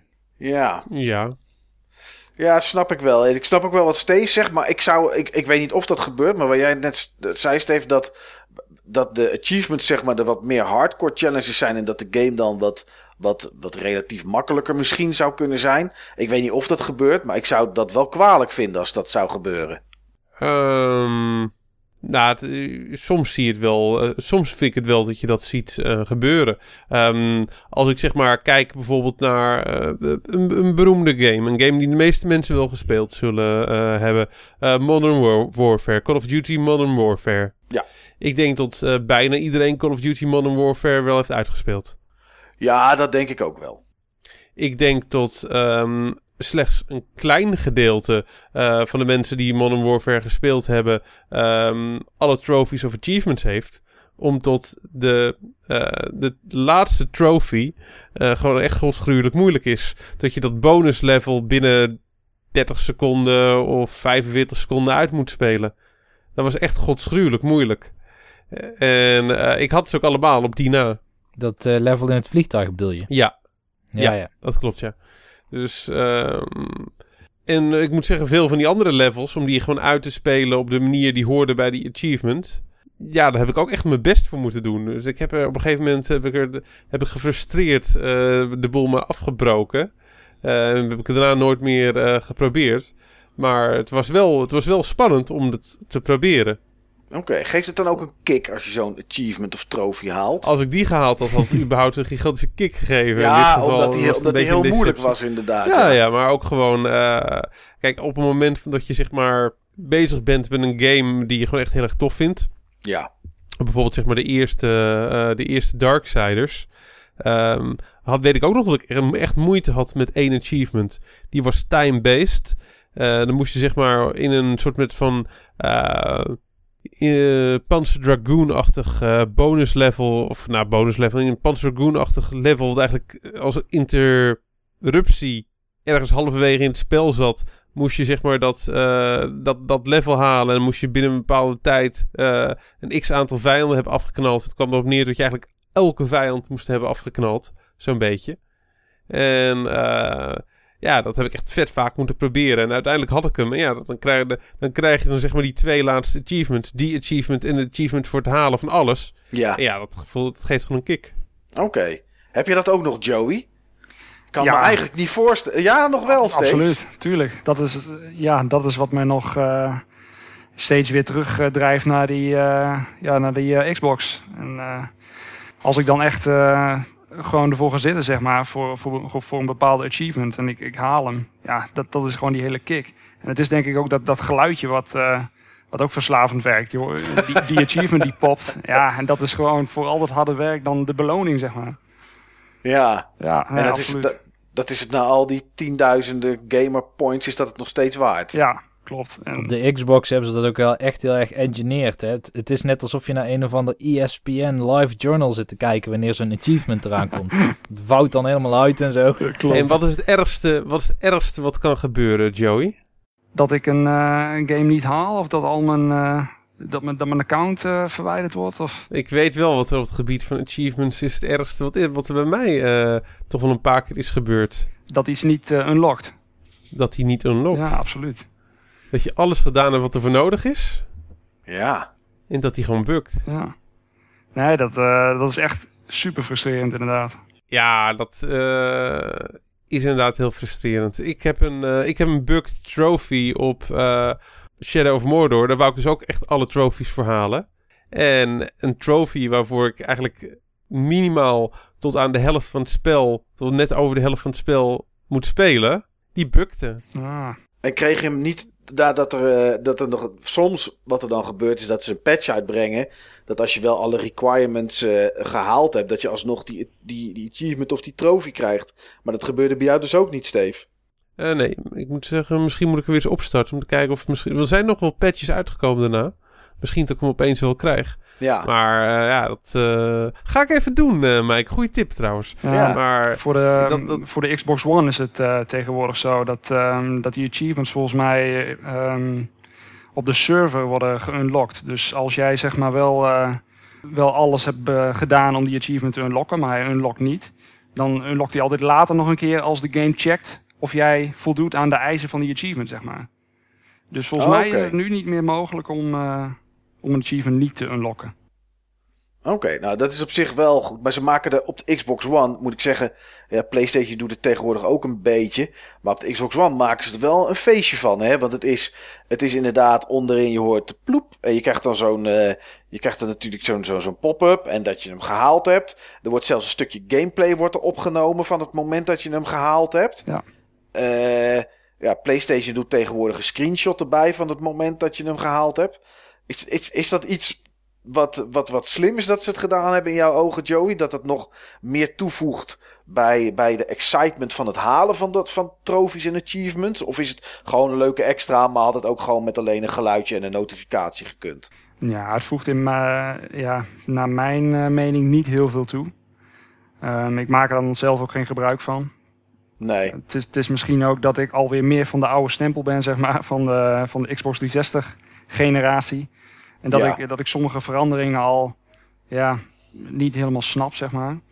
Nee. Ehm, het is niet zo dat als je zo'n zo'n achievement hunter bent, dat je al die DVR-filmpjes die die automatisch opneemt, gaat uploaden. En dan voordat je gaat slapen, als je, als je een, een game op duizend punten hebt, ges- hebt gezet die avond, dat je al die DVR-filmpjes die die geüpload heeft nog even achter elkaar kijkt om ervan te genieten in bed. Zo erg is het niet. Nee, zo erg is het nog niet. Nee, Oké, oké. Nee. Nou ja, had gekund. nee. Ik moet zeggen, die screenshots die hij neemt, daar heb je vaak ook niks aan. Want vaak krijg je zeg maar ook een achievement in scèneovergang.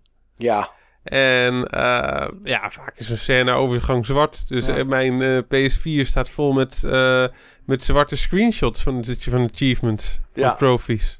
Ja, nee, de Xbox One doet natuurlijk doet 30 seconden opnemen waarin je dan beha- behaalt. Ja, Ja.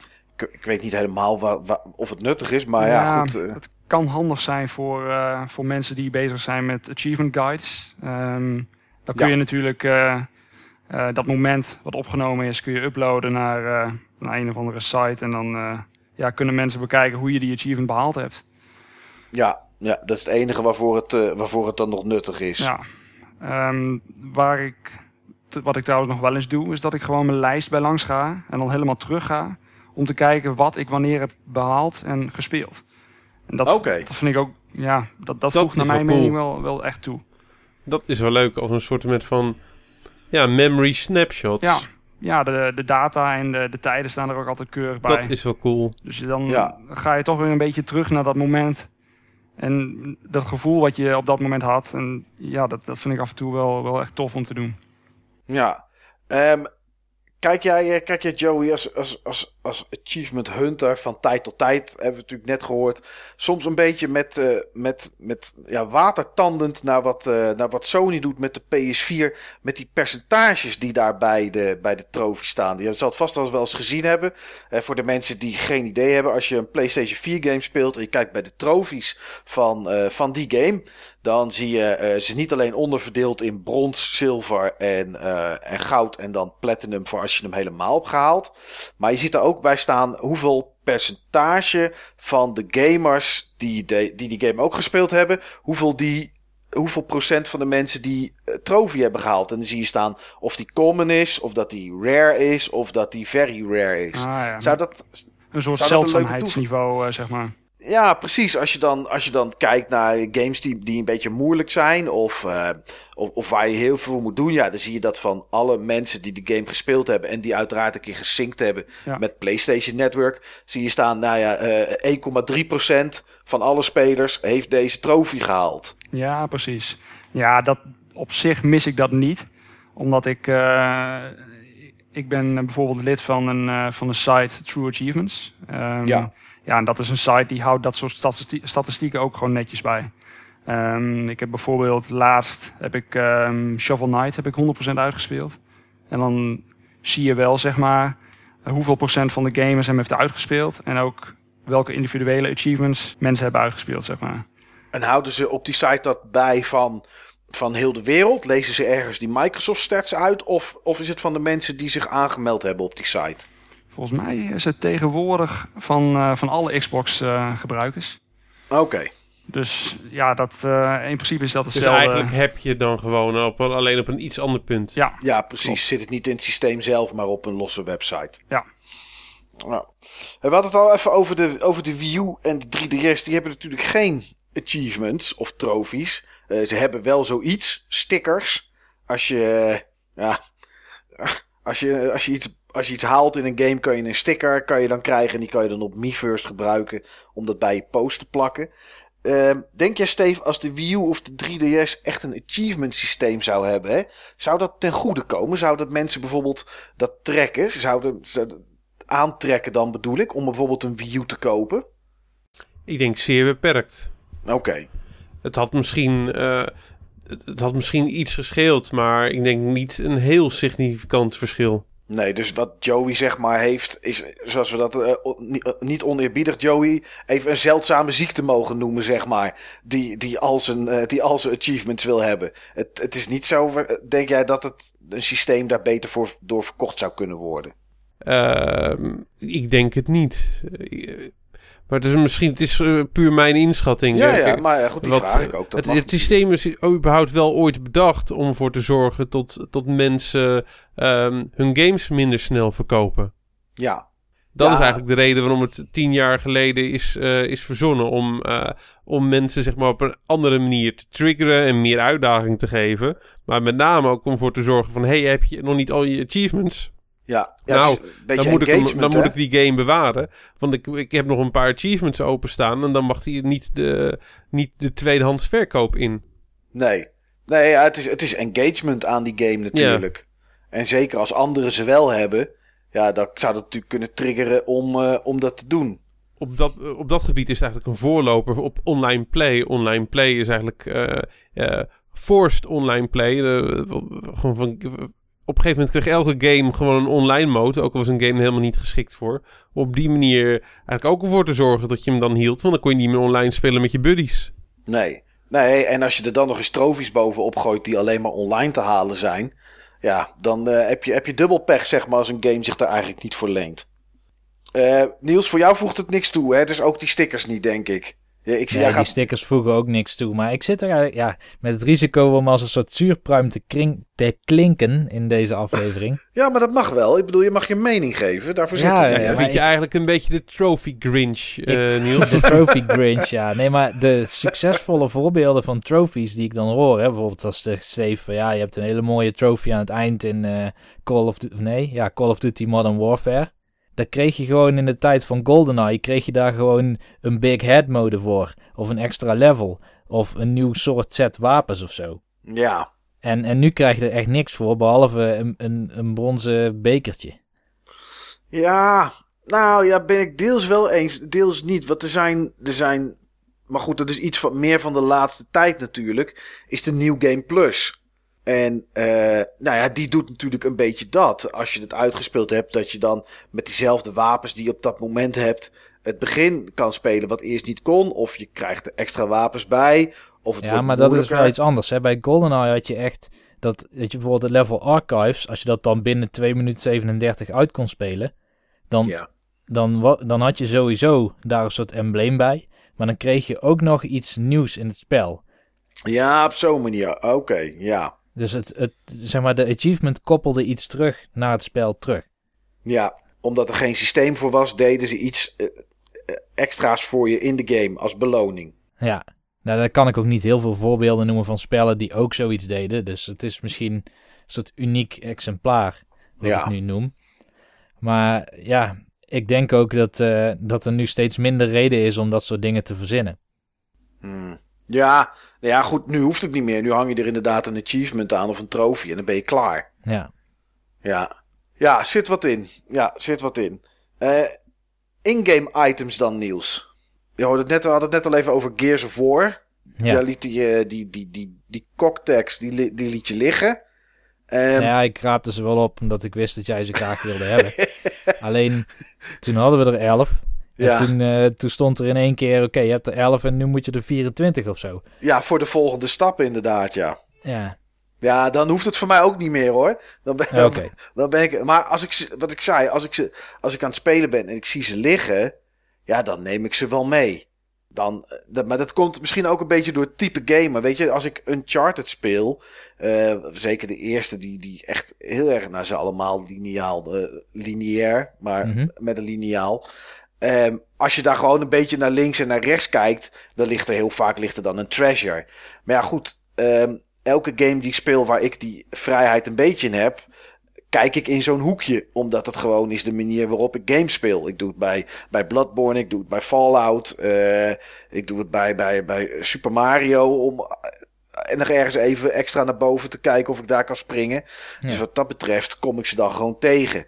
Maar eh, ja, meer, meer dan dat niet. Maar in-game items verzamelen, of er nou een trofee aan zit of niet. Volgens mij kan ik me herinneren dat jij met, eh, met Animal Crossing toch wel bezig was om, om, om items echt te verzamelen in die game, toch? ik had een complete set ehm, fossielen.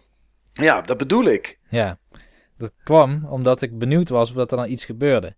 Ja, En, eh, en als het fossiel eh, in het museum niks opleverde, of dat, of dat ze hem dubbel hadden of zo, dan verkocht ik hem. En dat leverde dan meteen alweer 2500 bells op. ja, Dus wat dat betreft was het niet iets dat ik deed om het compleet te hebben. ehm, voor het verzamelaspect. Voor het verzamelen al op zich. Ja, nee, klopt. Oké. Maar uh, er zijn wel games in het verleden geweest waar ik geprobeerd heb om alles te vinden of alles te krijgen. Een van de eerste games die ik me zo kan herinneren was Super Mario World, waar ik alle exits had. Ja. Um, en uh, Super Mario 64, waar ik alle sterren in had. En dat heb ik daarna heel lang niet gedaan. Tot aan nieuw Super Mario Bros. U. Die vond ik ook leuk genoeg om echt al die Starcoins te gaan zoeken. Maar dat had er ook mee te maken omdat, ja, eigenlijk wat Steve net al zei, eh, dat, dat was een mechanisme om mensen op een andere manier door die levels heen te laten gaan. Op een iets meer een skillvolle manier of zo. Iets uitdagender voor mensen die dat ook zoeken in zo'n Super Mario game. Um, dus het komt wel voor. Ja, GoldenEye, wat ik toen straks noemde. Uh, GoldenEye heb ik ook al die, die, die moeilijkste challenges gedaan. Uh, om daarmee dan ook cheats te unlocken en dingen die je dan kan gebruiken in die 4-player splitscreen modus. Maar tegenwoordig, ja, ik zie mezelf misschien nog wel al die kostuums unlocken in Super Mario Maker. Maar dat is meer omdat het er vanzelf wel van komt, ja. dan dat ik daarnaar streef. Oké, het is niet zo dat je gaat zitten en denkt, nu ga ik al die kostuums unlocken. Nee. Het nee. Is, als, het, als het gaandeweg gebeurt, dan is het prima. Ja. Zou jij in-game items verzamelen, Joey, nu nog? Maar je hebt het natuurlijk met de Nintendo 64 gedaan. Als er geen achievement of trophy aan zou hangen? Ja, ik doe het eigenlijk op de Wii U ook wel hoor. Ik, uh, ik probeer gewoon altijd alles te verzamelen en uh, dat, dat, is gewoon het aard van het beestje. Dus dat, dat blijft wel. Heb jij Animal Crossing wel eens gespeeld, Joey? Nee. Doe het niet. doe het niet. Nee, ik heb die, uh, ik heb die nog nooit Ga je aan kapot. nee, doe het niet, Joey. Echt. Uh, ja, laat ik we, dat hebben maar niet allemaal, we hebben er alle drie aan geroken en uh, nee, doe het niet. Laat ik dat maar niet doen. Nee, daar heb, ik, eh, ja, daar, heb, daar heb ik ook zelfs een hoop tijd in zitten. Eh, en ja, daar gaat, dat gaat echt los. Ja. Dat Ja. ik weet nog dat Steve had een quest. Ik weet niet, Steve, hoe oud je daarover... En dat was niet een quest in de game, maar dat was gewoon voor jezelf, zeg maar, met Animal Crossing. Jij wilde al die Nintendo-items hebben, weet je dat nog? Was die niet van... eh, ik wou ik niet allemaal zwarte meubeltjes. Was die Nintendo Ook. items niet van... eh, was die van mij? Ja, Nintendo-items. Je had één kamer en daar stond van alles Ja, die, die had ik allemaal volgeladen met Nintendo items inderdaad. dat ja, klopt, ja. Met zo'n Mario-blokje. en, ja, ik eh, had echt een Nintendo museum hoor. Ja, en je wilde inderdaad... eh, Ik heb volgens mij nog een keer een zwarte kast of een zwart bankstel Een zwarte aan je bank. geleverd. Ik- ja, jij hebt toen die zwarte bank gedoneerd. Ja, ja, ja, jij wilde inderdaad dat heel graag hebben. Dus voor jou Ja. weet ik dat het voor jou niet God, wat uitmaakt. zal er daarmee gebeurd zijn, joh? Ja, daar zit Wat denk zal er ik, daarmee eh, gebeurd zijn? Ik, denk, dat, ik... die, ik denk dat die bank inmiddels begroeid is met mos. Ja, ik denk, ik heb, ik heb natuurlijk nooit mijn hypotheek eh, meer afbetaald. Dus ik denk dat die, eh, dat die wasbeer inmiddels gewoon alles heeft eh, laten veilen. Ik, denk- ik denk als jij hem opstart, dat er een bordje op je huis zit en dat er allemaal spullen in, voor, de, voor je in de tuin staan. Als een soort garageverkoop. ik denk het ook. Ja, weet je, ik heb toevallig vorige week een topic geopend over Animal Crossing. Ja, op Ik heb het topic Forum, ook ja. Guilty Pleasure genoemd. Omdat het ook niet echt een game is of zo die in onze kringen het normaal heel goed zou gaan doen. Eh, ik heb mezelf ook nooit tot de doelgroep van dit soort game gezien. Maar met New Leaf heb ik mezelf een challenge opgelegd. Het was namelijk, ik wilde proberen om een keer heel dat huis af te betalen. Of het in ieder geval minimaal een jaar te spelen. Ja, dat huis klinkt- afbetalen was een soort, een soort endgame doel voor, voor jou, hè? Ja, dat was om het in ieder geval een soort eindstreep te geven. Want ik weet echt niet of dat er ooit een eind komt aan het spel. Nee, volgens mij gaat het oneindig door. Maar jij zei toen een keer inderdaad, als ik het huis afbetaald heb, helemaal geüpgrade heb en afbetaald aan eh, Tom Nook, dan heb ik het voor mijn gevoel uitgespeeld, zeg maar. Ja, dat heb ik echt met lange tanden zitten spelen op een gegeven moment. Wat erg. Want eh, ik heb het twee jaar over gedaan of zo, hè. Omdat... eh, ik heb dat gewoon, gewoon drie keer in de week gespeeld. Twee jaar Die lang. Wasbeer begin heeft je vijf gewoon dagen in de week. kapot gemaakt. Je hebt gewoon echt gebloed voor die wasbeer, eh, Niels. En eh, weet je wat nog het ergste is, Niels? Je hebt er niet eens een trofee of achievement voor gekregen. Nee, daar moest er nog eens bij komen. Oh, dat is toch wel. eh, dat is toch wel erg. Nou ja, goed, dan doe je toch. Ja, dan heb je gewoon bells verzameld. De, de, de, het, het geldbedrag in die game. En je gaat dan toch verzamelen om een doel te behalen. Want als jij niet tijdens de vlinderwedstrijd de, of de bugwedstrijd de mooiste insecten eh, of de meest zeldzame insecten hebt gevonden. Niet de grootste vissen hebt verzameld. Ja. En, en dat soort dingen. Ja, dan krijg je niet, dan krijg je niet het, geld, zeg maar. Nee. Want zo'n game als Animal Crossing is toch eigenlijk gewoon puur geënt op het verzamelen van itempjes.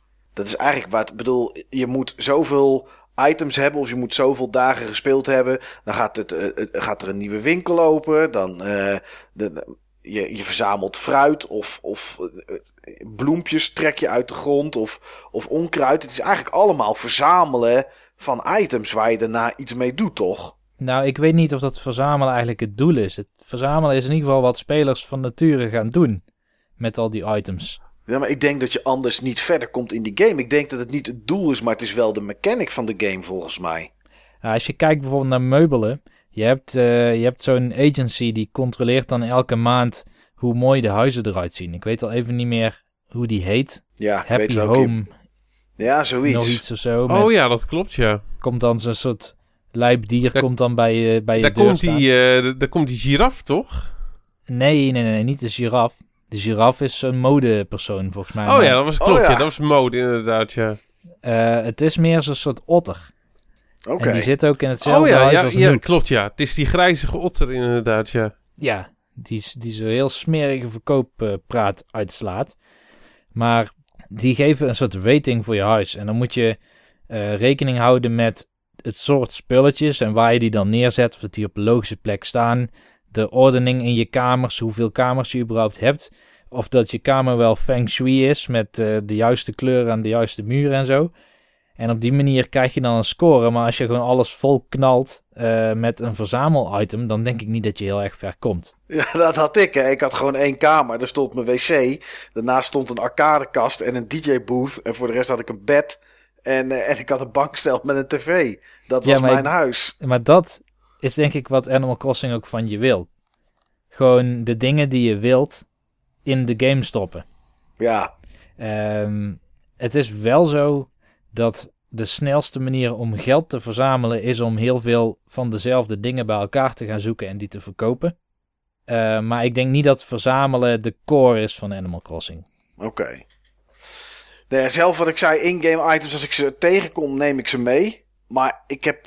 Weet je, het gekke is, hè, die trofies en achievements zouden mij aan de ene kant gestolen kunnen worden. En misschien, Joey, moet jij mij, mij even helpen aan welke kant ik dan zou moeten staan in dit geval. Behalve als ik een, een Lego game speel, dan wil ik hem het eigenlijk toch het liefst wel op 100% hebben. Maar dan ben ik eigenlijk ook weer niet zo stoer als... eh, ik heb een tijd geleden Lego Indiana Jones gespeeld op de PS3. Daar heb ik alle, ehm, ehm, alle trofies heb ik gehaald op één na. En dat is dat ik alle levels van die hele game nog een keer moet uitspelen. Maar dan in een, in een soort freeplay modus. Maar dan ben ik alsnog 6,5 uur bezig. Ja, dat ga ik dus niet doen. Dat, dat, dat vertik ik. Voor alle andere games die ik speel boeit het me eigenlijk niet. Behalve dan weer bij Bloodborne. Omdat die game heel moeilijk is. En ik het dan eh, wel een klein beetje stoer vind, moet ik eerlijk toegeven. Als ik daar alle trofies van heb. Ja, ja, waar hoor ik dan bij, Joey? Ja, ik denk dat je dan gewoon een, eh, Een wannabe ben, hè? een eh, achievement casual bent, zoals dat dan eh, genoemd wordt. Oh, Oké. Ehm, ik las toevallig vorige week een, eh, een artikel waarin eh, de schrijver ehm, spelers eigenlijk in vier groepen onderverdeelde. Ehm, je had ten eerste de mensen die, eh, die helemaal niks geven om achievements. Ehm, daarna, Nou, Rara, wie zou dat zijn? Dat is Niels. dat is Niels inderdaad. Eh, daarnaast heb je nog de achievement casuals, waar jij dan eh, onder valt, eh, denk ik, Mike. Oké. Ehm, Maar toch, toch heb ik dan voor zo'n Lego game. Dat, nou, dan voel ik me echt niet casual hoor. Je mag me zo noemen. Maar dan voel ik me echt, eh, echt dikke hardcore. Want ik wil echt al die trofies hebben dan. Ja, maar dat, dat is dan ehm, echt puur voor die game, zeg maar. En het gaat nu Ja. echt om, om het systeem Oké. eromheen, zeg maar. Ehm, Man, ik word gewoon een casual genoemd hier. Maar goed, ga verder. Nou, jij speelt dan dus blijkbaar gewoon alleen de games volledig uit waar jij, eh, waar jij wat mee hebt. Die jij ook echt tof vindt. En, ja, maar daar eh, hoef ik, niet, hoef ik niet echt alle trofies voor te hebben, zeg maar. Vind, als ik een game heel tof vind. Nee, precies. Maar het voegt, het voegt dan wel iets toe. En daar gaat het om. Het voegt voor jouw beleving iets toe. En dat maakt jou dan die, eh, die achievement casual, zeg maar. Ja, oké. Ehm, daarnaast heb je ook nog de Achievement Hunters. Ehm, dat zijn Ja. echt puur de, de gamers die, eh, die een zo hoog mogelijke totale achievement score willen hebben. Want je hebt natuurlijk ehm, van, van alle games die je hebt uitgespeeld, heb je een totale score. Hè, voor de PlayStation heb je bijvoorbeeld de, je, je level. Volgens mij heb je een level systeem. eh, Ja, ja, je hebt level en dat level wordt opgebouwd uit platinum, gold, zilver en brons trofies. En je ziet ook staan hoeveel platinums je hebt. Platinums Ja. is voor als je gewoon alle, alle, alle trofies hebt gehaald voor die titel. En dan gaat inderdaad je level omhoog. Ja, precies. En voor het, bij achievements is dat dan gewoon je totale achievement score, zeg maar. Ja, En eh, ja, achievement hunters die willen gewoon een zo hoog mogelijke totale score. En als vierde groep heb je dan ook nog de, de completionists. En die willen dan gewoon echt alles uitgespeeld hebben wat ze, wat ze spelen, zeg maar. Alles op 100%. oké. Bij welke groep hoor jij? Ja, ik ben een, eh, een, een gezonde of ja, misschien zelfs een ongezonde mix tussen de laatste twee, denk ik. Oké. En koop jij nou ook van die spellen die bekend staan omdat ze hele makkelijke achievements hebben? Ja, dat, dat heb ik gedaan. Dat, dat heb ik gedaan. Dat doe ik. Dat is meer denk ik iets van vroeger, Dat toch, klopt. eh, Joey? Ja, dat, dat doe ik eh, niet meer. Alleen dat, dat heb ik wel echt een periode gedaan, ja. Dat ik, eh, Oké. dat ik Hannah Montana speelde of... eh, of Ja, de Simpsons volgens Peter mij. Jackson's King Kong, the official game of the movie. maar ik ja, was, de Xbox eh, 360 had je een aantal van dat soort titels, toch? ja, klopt. De, de, Ja, de- volgens mij het meest bizarre voorbeeld is zeg maar die ene anime game. Ja, Avatar. Want dat je dan gewoon een paar keer op een knop kan rammen, blijven rammen. En dan heb je aan het begin, heb je binnen een minuut heb je duizend eh, gamerscore. Klopt. Ja, die, eh, die game heb ik eh, toen de tijd geleend bij de, of na gekocht bij de Intertoys. ik, ik, ja, ik, heb, ik heb hem gekocht. En inderdaad, met als eh, doel om al die achievements te halen. En toen ik dat ook gedaan had, heb ik hem diezelfde dag nog teruggebracht. Van ja, dit, dit is toch niet de game die, die ik eh, voor ogen had. Dus ja, En toen had je alle duizend punten. toen had ik alle duizend punten, ja. Ik vind dat daar eh, voor mensen die dat doen, moet een vijfde categorie komen, vind ik Ja, hoor. klopt. Absoluut. Ehm, Oké, jezus, wat... eh, Ik was toen actief ook op een site waarbij je zeg maar mee kon doen aan Gamerscore Challenges. En daarbij was het zeg maar, was, had je een doel om in, zo, in, een, in een tijdsbestek zoveel mogelijk achievement points te halen. Ja, en dan koop je natuurlijk van dat soort games om je, om je score te boosten. Ja. Ja, het is, is- nog link. Als, als er meer van dat soort figuren lopen, verkoopt die game straks zo goed, krijgen we nog een deel 2 ook. Ja, klopt. Eh, Oh, dat is wel link, zeg. Ja. Ja, Wat, ik, eh, wat ik sowieso vaak doe, is dat ik, eh, dat ik me ook inlees voordat ik een spel speel. Dus dan kijk ik al van tevoren van eh, wat voor achievements heeft de game. En dan kijk ik eh, bijvoorbeeld op Xbox 360 achievements.com. en daar kun je dan zeg maar guides lezen van, eh, die andere mensen geschreven hebben. En er staat dan ook vaak een roadmap. En daarin staat precies hoe moeilijk dan een spel is om, om alle achievements in te halen. En eh, hoe lang je er ongeveer mee bezig bent. En ook welke game modes je dan het eerst kunt gaan spelen om zo efficiënt mogelijk die, die game op 100% te halen, zeg maar. Dat doe ik ook hoor. Ja, dat, Oké. ik denk toch ook wel dat dat... ehm, zoals vroeger deed ik dat niet, want toen had ik alle tijd van de wereld. Alleen tegenwoordig heb je toch een beperkt, beperkte tijd dat je aan het gamen bent. Dus dan probeer je toch ook zo efficiënt mogelijk die, die tijd in te delen, zeg maar. Maar voelt dat dan niet, jongens, voor jullie als een soort van cheaten? Want wa- wat jij net zegt, hè, Steve, van ja, je speelt, eh, mensen spelen zo'n game en die spelen die game dan eh, gewoon uit. En dan is er eigenlijk voor de, voor de hardcores, is er dan nog extra, zijn er dan eh, achievements of trofies die moeilijker te behalen zijn, als een soort van extra uitdagingen. Maar als je dan dat van tevoren of tijdens in een guide gaat zitten lezen, zeg maar. Ja, is dat dan nog wel een extra uitdaging? Ja, het kan nog steeds moeilijk zijn om, om het te bereiken wat je moet doen. Maar is het niet een soort van cheaten dan toch? Is dat, Ja, dat- hangt er een beetje, hangt er een beetje eh, af van wat de achievements van de game zijn. Oké, Daar is geen standaard antwoord op, maar ik denk dat het in de meeste gevallen geen cheat is. Het is gewoon je tijd, eh, op het moment dat je specifiek op zoek bent naar die achievements, je tijd effectiever benutten. Ja. Ja, en het is natuurlijk ook... eh, je, je kijkt ook niet constant naar die guide. Je gaat gewoon van tevoren kijken van... zijn er ook achievements die ik tijdens mijn eerste playthrough kan missen? ja. En dan, dan, Ja. dan houd je daar rekening mee tijdens het spelen. Het is niet zo dat je dan een, een guide van voor eh, naar achter eh, compleet doorleest. Om, om die Nee, game oké. uit te spelen, zeg maar. Het, is, het, is, het is even inlezen, zo van oké, weet je, als ik hem dan toch speel, let ik, let ik even hier extra op. Ja. Want dan weet ik in ieder geval, dan kan ik, een tune... Ik kijk daar met name naar met, eh, met games die gewoon heel erg lang duren. Zoals bijvoorbeeld een Mass Effect 2. Die Ja. heb ik op die manier eh, ook eh, gespeeld. Ja, precies. Waar je geen, wat, wat een lang verhaal is, waar je geen levels in kan selecten, bijvoorbeeld. Zodat je terug Ja, kan gaan om, om iets te halen. Ja, en in sommige gevallen moet je ook op bepaalde eh, punten saves aanmaken. Om dan zeg maar de andere keuze te maken. Dan zijn er zeg maar achievements voor parallele keuzes. eh, en dan moet je gewoon weten van waar je je saves moet maken. Oké, ja, duidelijk. Ehm, heb jij een game, Joey? Ja, het kan bijna niet, maar ik was toch wel even benieuwd. Heb je een game die je nog niet op 100% hebt gezet en dat het maar niet wil lukken, maar die je heel graag op 100 zou willen hebben?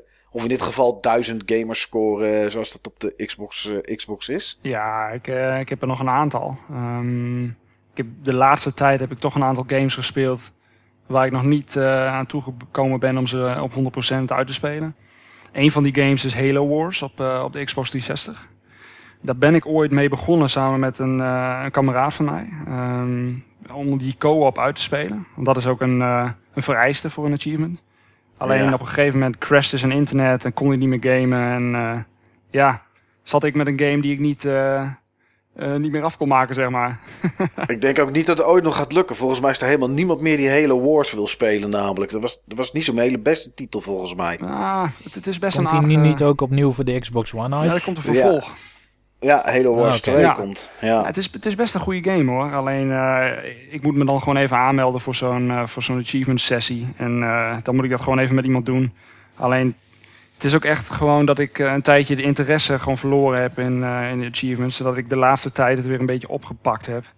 ja. En dat, eh, dat net na die, nadat ik die game heb gespeeld, zeg maar, dat ik toen de interesse een beetje verloren heb. En dat daarom eh, hij een beetje is blijven liggen. Ja, maar dat is een game die je graag nog wel een keer op 100, 100% zou willen hebben. Ja, klopt. Ook omdat ik alle andere Halo games wel op 100% heb. En dan is het toch iets Dan hoort deze er wel bij Ja, inderdaad. Dan wil ja. je toch de franchise een beetje compleet maken, zeg maar. Ja, Grappig hè, hoe dat werkt. Ja, Ja. ja. Alle Halo games op 100%. ik heb ze allemaal op 100%. Respect. Ja, Jeetje. Dat, eh, dat heeft Ja, hij is hardcore. Hij is hardcore deze jongen. Ja, nee, we hebben hem niet voor niks voor vandaag uitgenodigd Ja. natuurlijk, Steve. Ik, eh, ik heb hier toevallig wat eh, statistieken voor mij eh, voor me staan. Ik, ik zie dat ik inmiddels eh, 199 games heb gespeeld op, eh, op. Xbox-platformen. waarvan ik dan 185 ook daadwerkelijk op 100% heb eh, gezet. Damn. Man. En, Damn, wat een, wat een percentage Ja. joh. Dat is eh, veel. Ik zit op een, eh, een completion eh, percentage van 97,35% Dus je hebt 13 games die je gespeeld hebt, heb je dan niet op 100. Ja, klopt. Of, of 14, je zat op 199 hè? Eh, ja, dan zijn er 14 inderdaad die ik niet, Ja. eh, niet heb uitgespeeld. Damn, Zo. wat ziek. Ja, dat... eh, Oh, nou vindt hij het wel ziek. Eerst is het mooi van ja, ja, ja. En dan hoor je dit. En dan is het in één keer ziek. Wat de, ja, je bedoelt het Ja, waarschijnlijk in de goede... hoeveel, ik weet gewoon hoeveel tijd hierin is gaan zitten, jongens. Ik weet hoe moeilijk deze, ja, deze shizzle kan zijn. En daar ging direct ook mijn vraag nog over. Wat is de moeilijkste achievement die je ooit hebt gehaald? ja, die eh, achievement waar jij het zo net over had, eh, Steve. Die, eh, die in eh, Call of Duty 4. Dat is wel, eh, wel een van de achievements waar ik ook echt heel lang over gedaan heb. Ehm, ja, daarnaast heb ik eigenlijk... Ik voel me nu wel een stuk beter trouwens. Ja, Maar jij hebt hem maar wel, ik heb, ik heb hem wel, Steve. Kijk, eh, Ja. ja, maar als ik weet wat hij er gewoon over gestruggeld heeft, dan weet ik niet of ik niet gek ben. Ja, het is, Nee, het is inderdaad een achievement die kun je binnen een halve minuut halen. Maar daar heb Ja, je dat toch echt wel een toch? uur of vijf over gedaan. Dus dat, Man. ja, dat, dat is eh, denk ik wel de moeilijkste. Ehm, maar je hebt, Ja, wat is natuurlijk de ook, mooiste of waar je het meest blij mee bent of zo? ja, je hebt natuurlijk ook achievements waar je gewoon echt heel lang over doet. En dat zijn meer grindy achievements, zeg maar. Dat zijn geen moeilijke achievements per se. Alleen daar doe je wel gewoon heel erg lang over. En dat is denk ik een achievement in GTA 4. Waarbij je online ehm, het max level moest behalen, zeg maar. Level 20. En daar ben ik ook wel echt iets van eh 200 uur mee bezig geweest. Man. En Is de- 100 uur daarvan was eh, samen met een Engelsman. ehm, waarbij we eigenlijk een, eh, een soort truc in de game eh, deden. Waarbij je een enemy spawnde. Die je dan gewoon telkens weer door de, door de kop schoot, zeg maar. Dan ging je gewoon... Ah nee. Ja, dat... eh, Ah nee. Klinkt als Destiny. Nee, nee, nee, Niels. Dit is echt nog zoveel. dit is... Dit gaat nog zoveel verder. Klopt. ik, ik, eh, ja. Maar dat is toch... dat- dat- Joey, wees, wees even gewoon down to earth. Ja, Dit is toch, dit is toch gewoon onnodig een game verlengen, of ja niet? klopt. Ja, het- je, je doet het gewoon voor het systeem en niet meer om de game. Nee, want Ehm, ja, ja, als je, als je honderd uur lang met een, met een Engelsman iemand door zijn hoofd gaat lopen schieten om maar snel te levelen. Dat is toch, dat is, heb je nooit tijdens, tijdens die 200 uur gedacht, weet je, dit is dan een game die ik niet op 100% zet. Laat maar. Ja, ik heb het wel in, in stukken gedaan, zeg maar. Je doet het dan niet echt. mag ik hopen. En, eh, ja, maar ook echt in periodes, zeg maar. Niet dat je de ene dag dat doet en dan de volgende dag weer, weer verder gaat. Je, je gaat dan echt een half jaar eh, ertussen, zeg maar, dat je het niet doet. En dan natuurlijk denk je dan van, nou, zal ik het nou wel gaan afmaken of niet? Alleen, wat, wat ik dan ook wel weer eh, tof vind en waar ik dan ook wel weer goed, goede herinneringen aan heb, is dat je tijdens die, die uren dat je met die Engelsman aan het gamen bent, dan heb je het natuurlijk wel met elkaar over dingen. En Ja. je, je hebt het dan over de cultuur daar, de cultuur hier. En eh, ja, dat, dat voegt toch dan op dat moment echt wel iets toe. Het is niet dat je dan gewoon puur alleen maar aan het grinden bent. Het is, het is Nee, gewoon het is het sociale lekker- aspect. Ja, oké. Absoluut. Mm. Dus dat, Ja. ja. dat is wel een kanttekening die ik dan eh, om mezelf ook een beetje... eh, Goed te praten, ja, tuurlijk. Ja, snap ik. Oké. Jeetje. Niels, zie je zou... Ja, Niels die zit natuurlijk zo van, die gasten zijn gek. Jij zou dat nooit doen, hè? Nee, echt nooit.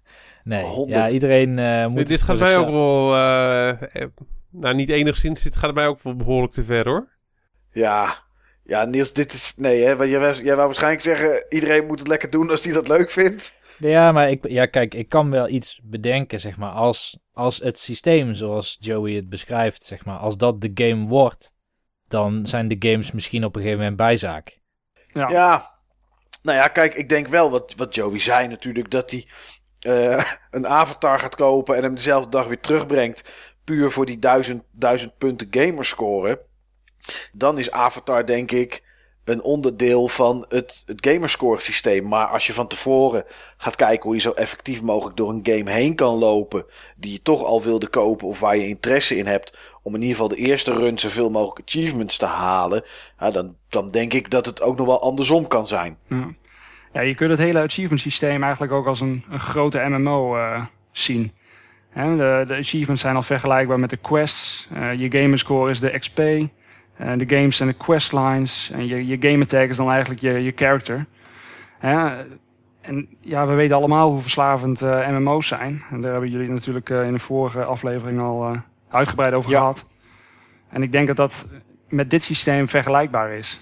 Dat is wel een mooie analogie. Nou, zeker. En ik denk dat, het wel, dat er wel inderdaad dat er wel een waarheid in zit. De, de Xbox 360 of de Xbox One of de PS3 of PS4, PS Vita, maakt niet uit. Dat is eigenlijk de wereld. Ja. En, en, en ja, je avatar is inderdaad je personage. Wauw, wat diep. Ja, Wat diep. Eigenlijk vind ik dit wel een hele mooie eindconclusie. Nou, ik niet. Nee? Nee.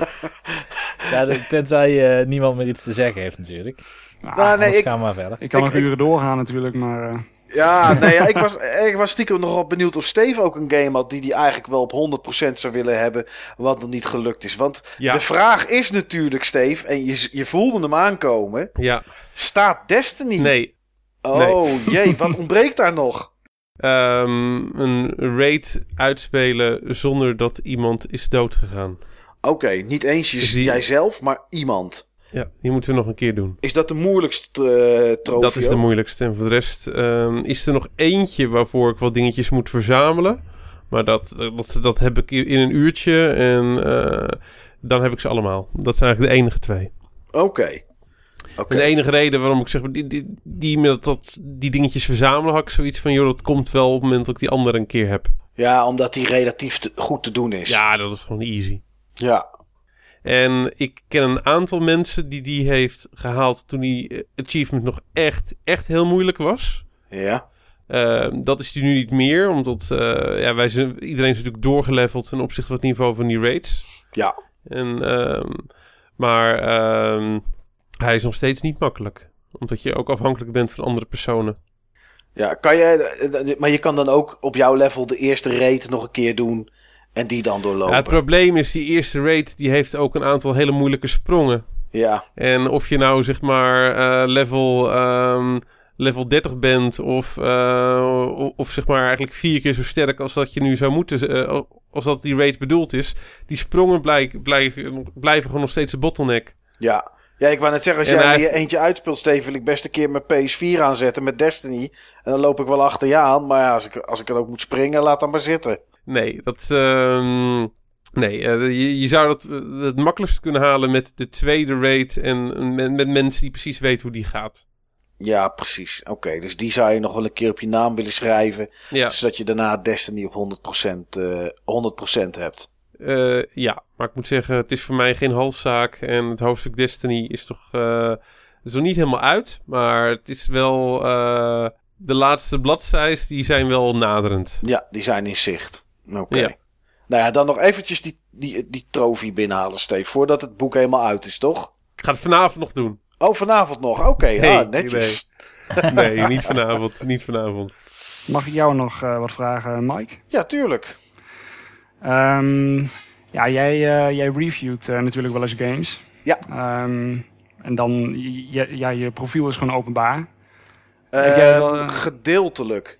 Oké. Okay. Gedeeltelijk. Op de Xbox One heb ik, heb ik een aantal dingen dicht staan.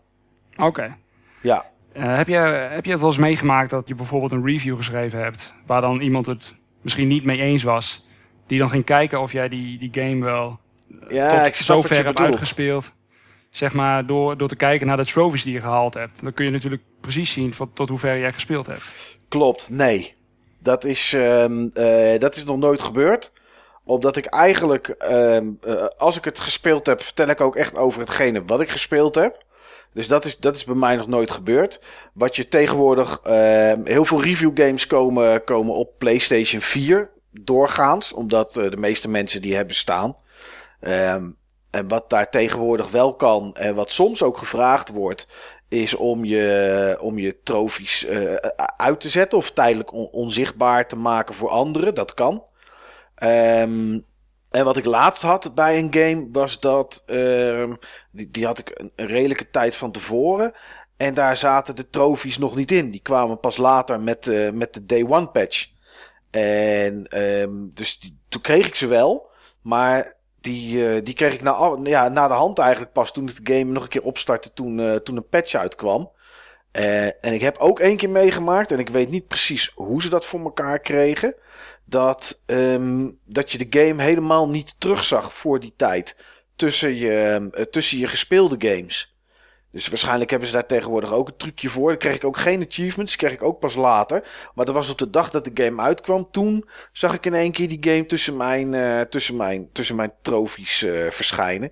Maar ik heb nog nooit iemand gehad die zegt van... Hé, uh, hey, jij schrijft hier dat het verhaal aan het einde dat het helemaal ruk is. En ik kijk bij je, bij je trofies en ik zie, dat je maar, ik zie dat je maar tot level 9 hebt gespeeld... terwijl er 14 zijn of zo. Ah, nee. Ja. Nee, dat heb ik, uh, dat heb ik nog nooit gehad. Ik heb, ik heb wel voor de Xbox One heb ik mijn profiel gedeeltelijk op, uh, op hidden moeten zetten. Omdat ik daar uh, regelmatig meedoe aan, aan hele vroege game tests. En waar je dan ook helemaal niets over mag vertellen. En ehm, geen screenshots mag maken en dat soort dingen allemaal. En ja, dan mag je helemaal niets. En daar heb ik wel bepaalde gedeeltes van mijn profiel private moeten zetten. Uh, zodat, ja, zodat mensen niet zien dat ik die game aan het spelen ben. Uh, daar krijg je dan ook geen achievements voor hoor. Maar dat is, uh, ja, dus ik heb wel hier en daar wat dingen die ik, die ik op geheim heb moeten zetten. Maar dat is, nee, het is mij nog nooit, nog nooit gebeurd dat mensen mijn achievements na gaan kijken of mijn trofies om te zien of ik het wel echt gespeeld heb. Nee, oké. Okay. Nee, nee. Maar het zou inderdaad wel kunnen natuurlijk. Ik heb ook wel wat gameontwikkelaars van, van Rockstar uh, uh, of PR-mensen van Ubisoft. Heb ik dus als ik, ja, als ik iets zou schrijven over een game en ik zou zeggen dat het slecht is. Ja, dan zouden ze het eventueel op die manier kunnen controleren. Maar dat heb ik, uh, heb ik nog nooit aan de hand gehad. Nee, dus uh, dat, uh, tot nu toe gaat dat altijd goed. Oké. Okay. Ja, jongens, dat is. ja, ik vind eigenlijk hè, dat we voor deze uitzending een achievement of een trofee zouden moeten krijgen. Die gaat Joey wel van ons ontwerpen. Oh ja, dat zou, uh, dat zou natuurlijk leuk. Ja, Niels hoeft hem dan natuurlijk niet. Nee, Niels hoeft hem niet. Die krijgt hem ook niet hoor. Nee, die krijgt een sticker voor op Miiverse. Oh, yes. Ja, dan kan je daar, uh, dan kan je daar de show mee stelen, Niels. ja, ja uh, Joey, bedankt dat je, dat je deze avond tijd hebt willen maken. Het heeft je toch zo'n slordige 2,5 uur gekost, zie ik. Ja, aan, eh, aan tijd. Ah joh, in vergelijking met eh, die ene achievement waar hij het net over had, dan is het gewoon een schijntje. Ja, die van 200 uur inderdaad. Ja, nee, ik, eh, ik vond het leuk, eh, jongens. Bedankt dat, eh, ja, dat ik mee mocht doen. Ja, tuurlijk. binnenkort kom je weer bij mij een bordspel achievement halen, toch Joey? Ja, dat, eh, dat gaan we doen. Dat moeten we weer gaan doen. Wat is de volgende game die op het verlanglijstje staat tot, tot slot eventjes, Joey, om, eh, om op 100% te zetten? Ehm, kijken hoor. Ik, eh, ik heb Assassin's Creed ehm, Syndicate liggen. En die, eh, daar wil ik graag aan beginnen. Oké, dus dat is eh, als, ik, eh, als, ik, als ik volgende week of over twee weken mijn Xbox, eh, Xbox weer eens aanzet en ik kijk bij jouw naam, dan zie ik, eh, zie ik dat daar eh, de eerste, eerste achievements voor gehaald zijn. Ja, dan denk ik dat ik eh, redelijk ver ben. Oké. Nou, aan jou hoef ik het niet te vragen, Niels. Nee. En Steve, jouw goal hebben we net gehoord, hè? Die reet moet er eventjes doorheen zonder dood te gaan eh, iemand in je dat party. zou wel heel mooi zijn. En ik baal nog steeds heel erg van Shadow of Mordor, die eh bugged achievement. Ja, even, even aanzetten. Misschien heb je hem gekregen. Ik, ga dat, eh, ik ga dat zo meteen direct eventjes doen. Ja, en Destiny, of Destiny hoor mij nou. En Journey even een keer aanzetten. Hè. Als je het een week nadat je hem hebt uitgespeeld nog een keer doet, krijg je ook Oh ja. een, eh, Ja. krijg je Ja, ook een dat gratis, ook nog eh, doen. een Dat gratis ook trofee. Ja. Kijk, dat zijn dan weer, eh, dat zijn dan weer de Die is dan binnen, die is dan in de pocket. Ja, even zinken en dan, eh, en dan, eh, dan is dat weer helemaal goud. Oh, over zinken gesproken. Ik moet echt even naar de wc, jongens. Ik Oké. zit- ik- ik- een klein moment. Ja. Ik weet niet, eh, hoe... Altijd gezeik. Steve gaat zijn blazen verzinken. Ja. Oh, oh, oh.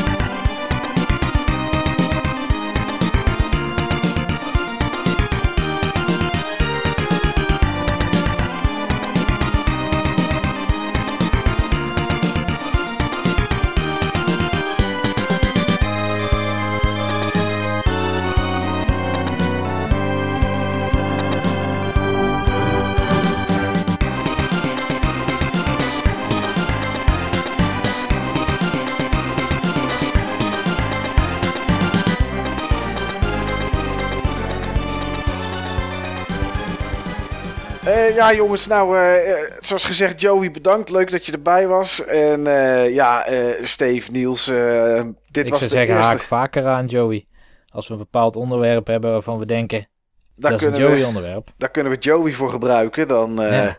Ja, lijkt me leuk. nou, eh, super. Eh, ja, jongens, dit was de eerste van het nieuwe jaar. Eerste podcast. Voelt het, eh, voelt het 2016, Steve? Ja, eigenlijk wel. Ja. Voor de luisteraars de tweede natuurlijk, hè? Ja, de tweede. Omdat Ja, natuurlijk, maar eh, maar voor ons qua opnemen is het, eh, is het de eerste. Ja. Ja, Ik vind sowieso, jongens, dat we in 2016 regelmatig gewoon weer andere mensen gewoon in de podcast moeten hebben, zoals nu. ja voor een beetje, beetje, beetje de extra sparkle. Vind ik een eh, mooie streven. Oké, nou, eens kijken. Gaan we aan werken. Ga, ik mijn dat, best eh, voor doen. of Ga dat- kijken of ik ook wel topics kan verzinnen voor, eh, met mensen die er goed bij aan zouden sluiten. Ja, altijd leuk en altijd gezellig. Ja, Ja, iedereen die geluisterd heeft, eh, uiteraard bedankt voor het, eh, voor het luisteren. Eh, neem iets lekkers voor deze, deze uitzending. Maak een eigen achievement. Maak een eigen trofee. Desnoods een sticker die, je- die op je auto plakt of op je deur. Het maakt eigenlijk niet zo gek veel uit. Maar in ieder geval, iedereen bedankt voor het luisteren. Wij gaan hard werken aan Bashers aflevering nummer 58. Dit is het enige punt waarop we dat nog geheim kunnen houden waar dat over gaat. Want als die er is, dan, dan weet iedereen het. Maar Ja. eh, voor nu houden we dat nog even geheim. En het komt puur omdat we zelf het onderwerp ook nog niet 100% vast hebben gesteld. maar jullie horen dat wel. Ja, we gaan onszelf ook verrassen. En eh, tot die tijd, eh, nou ja, tot de volgende keer.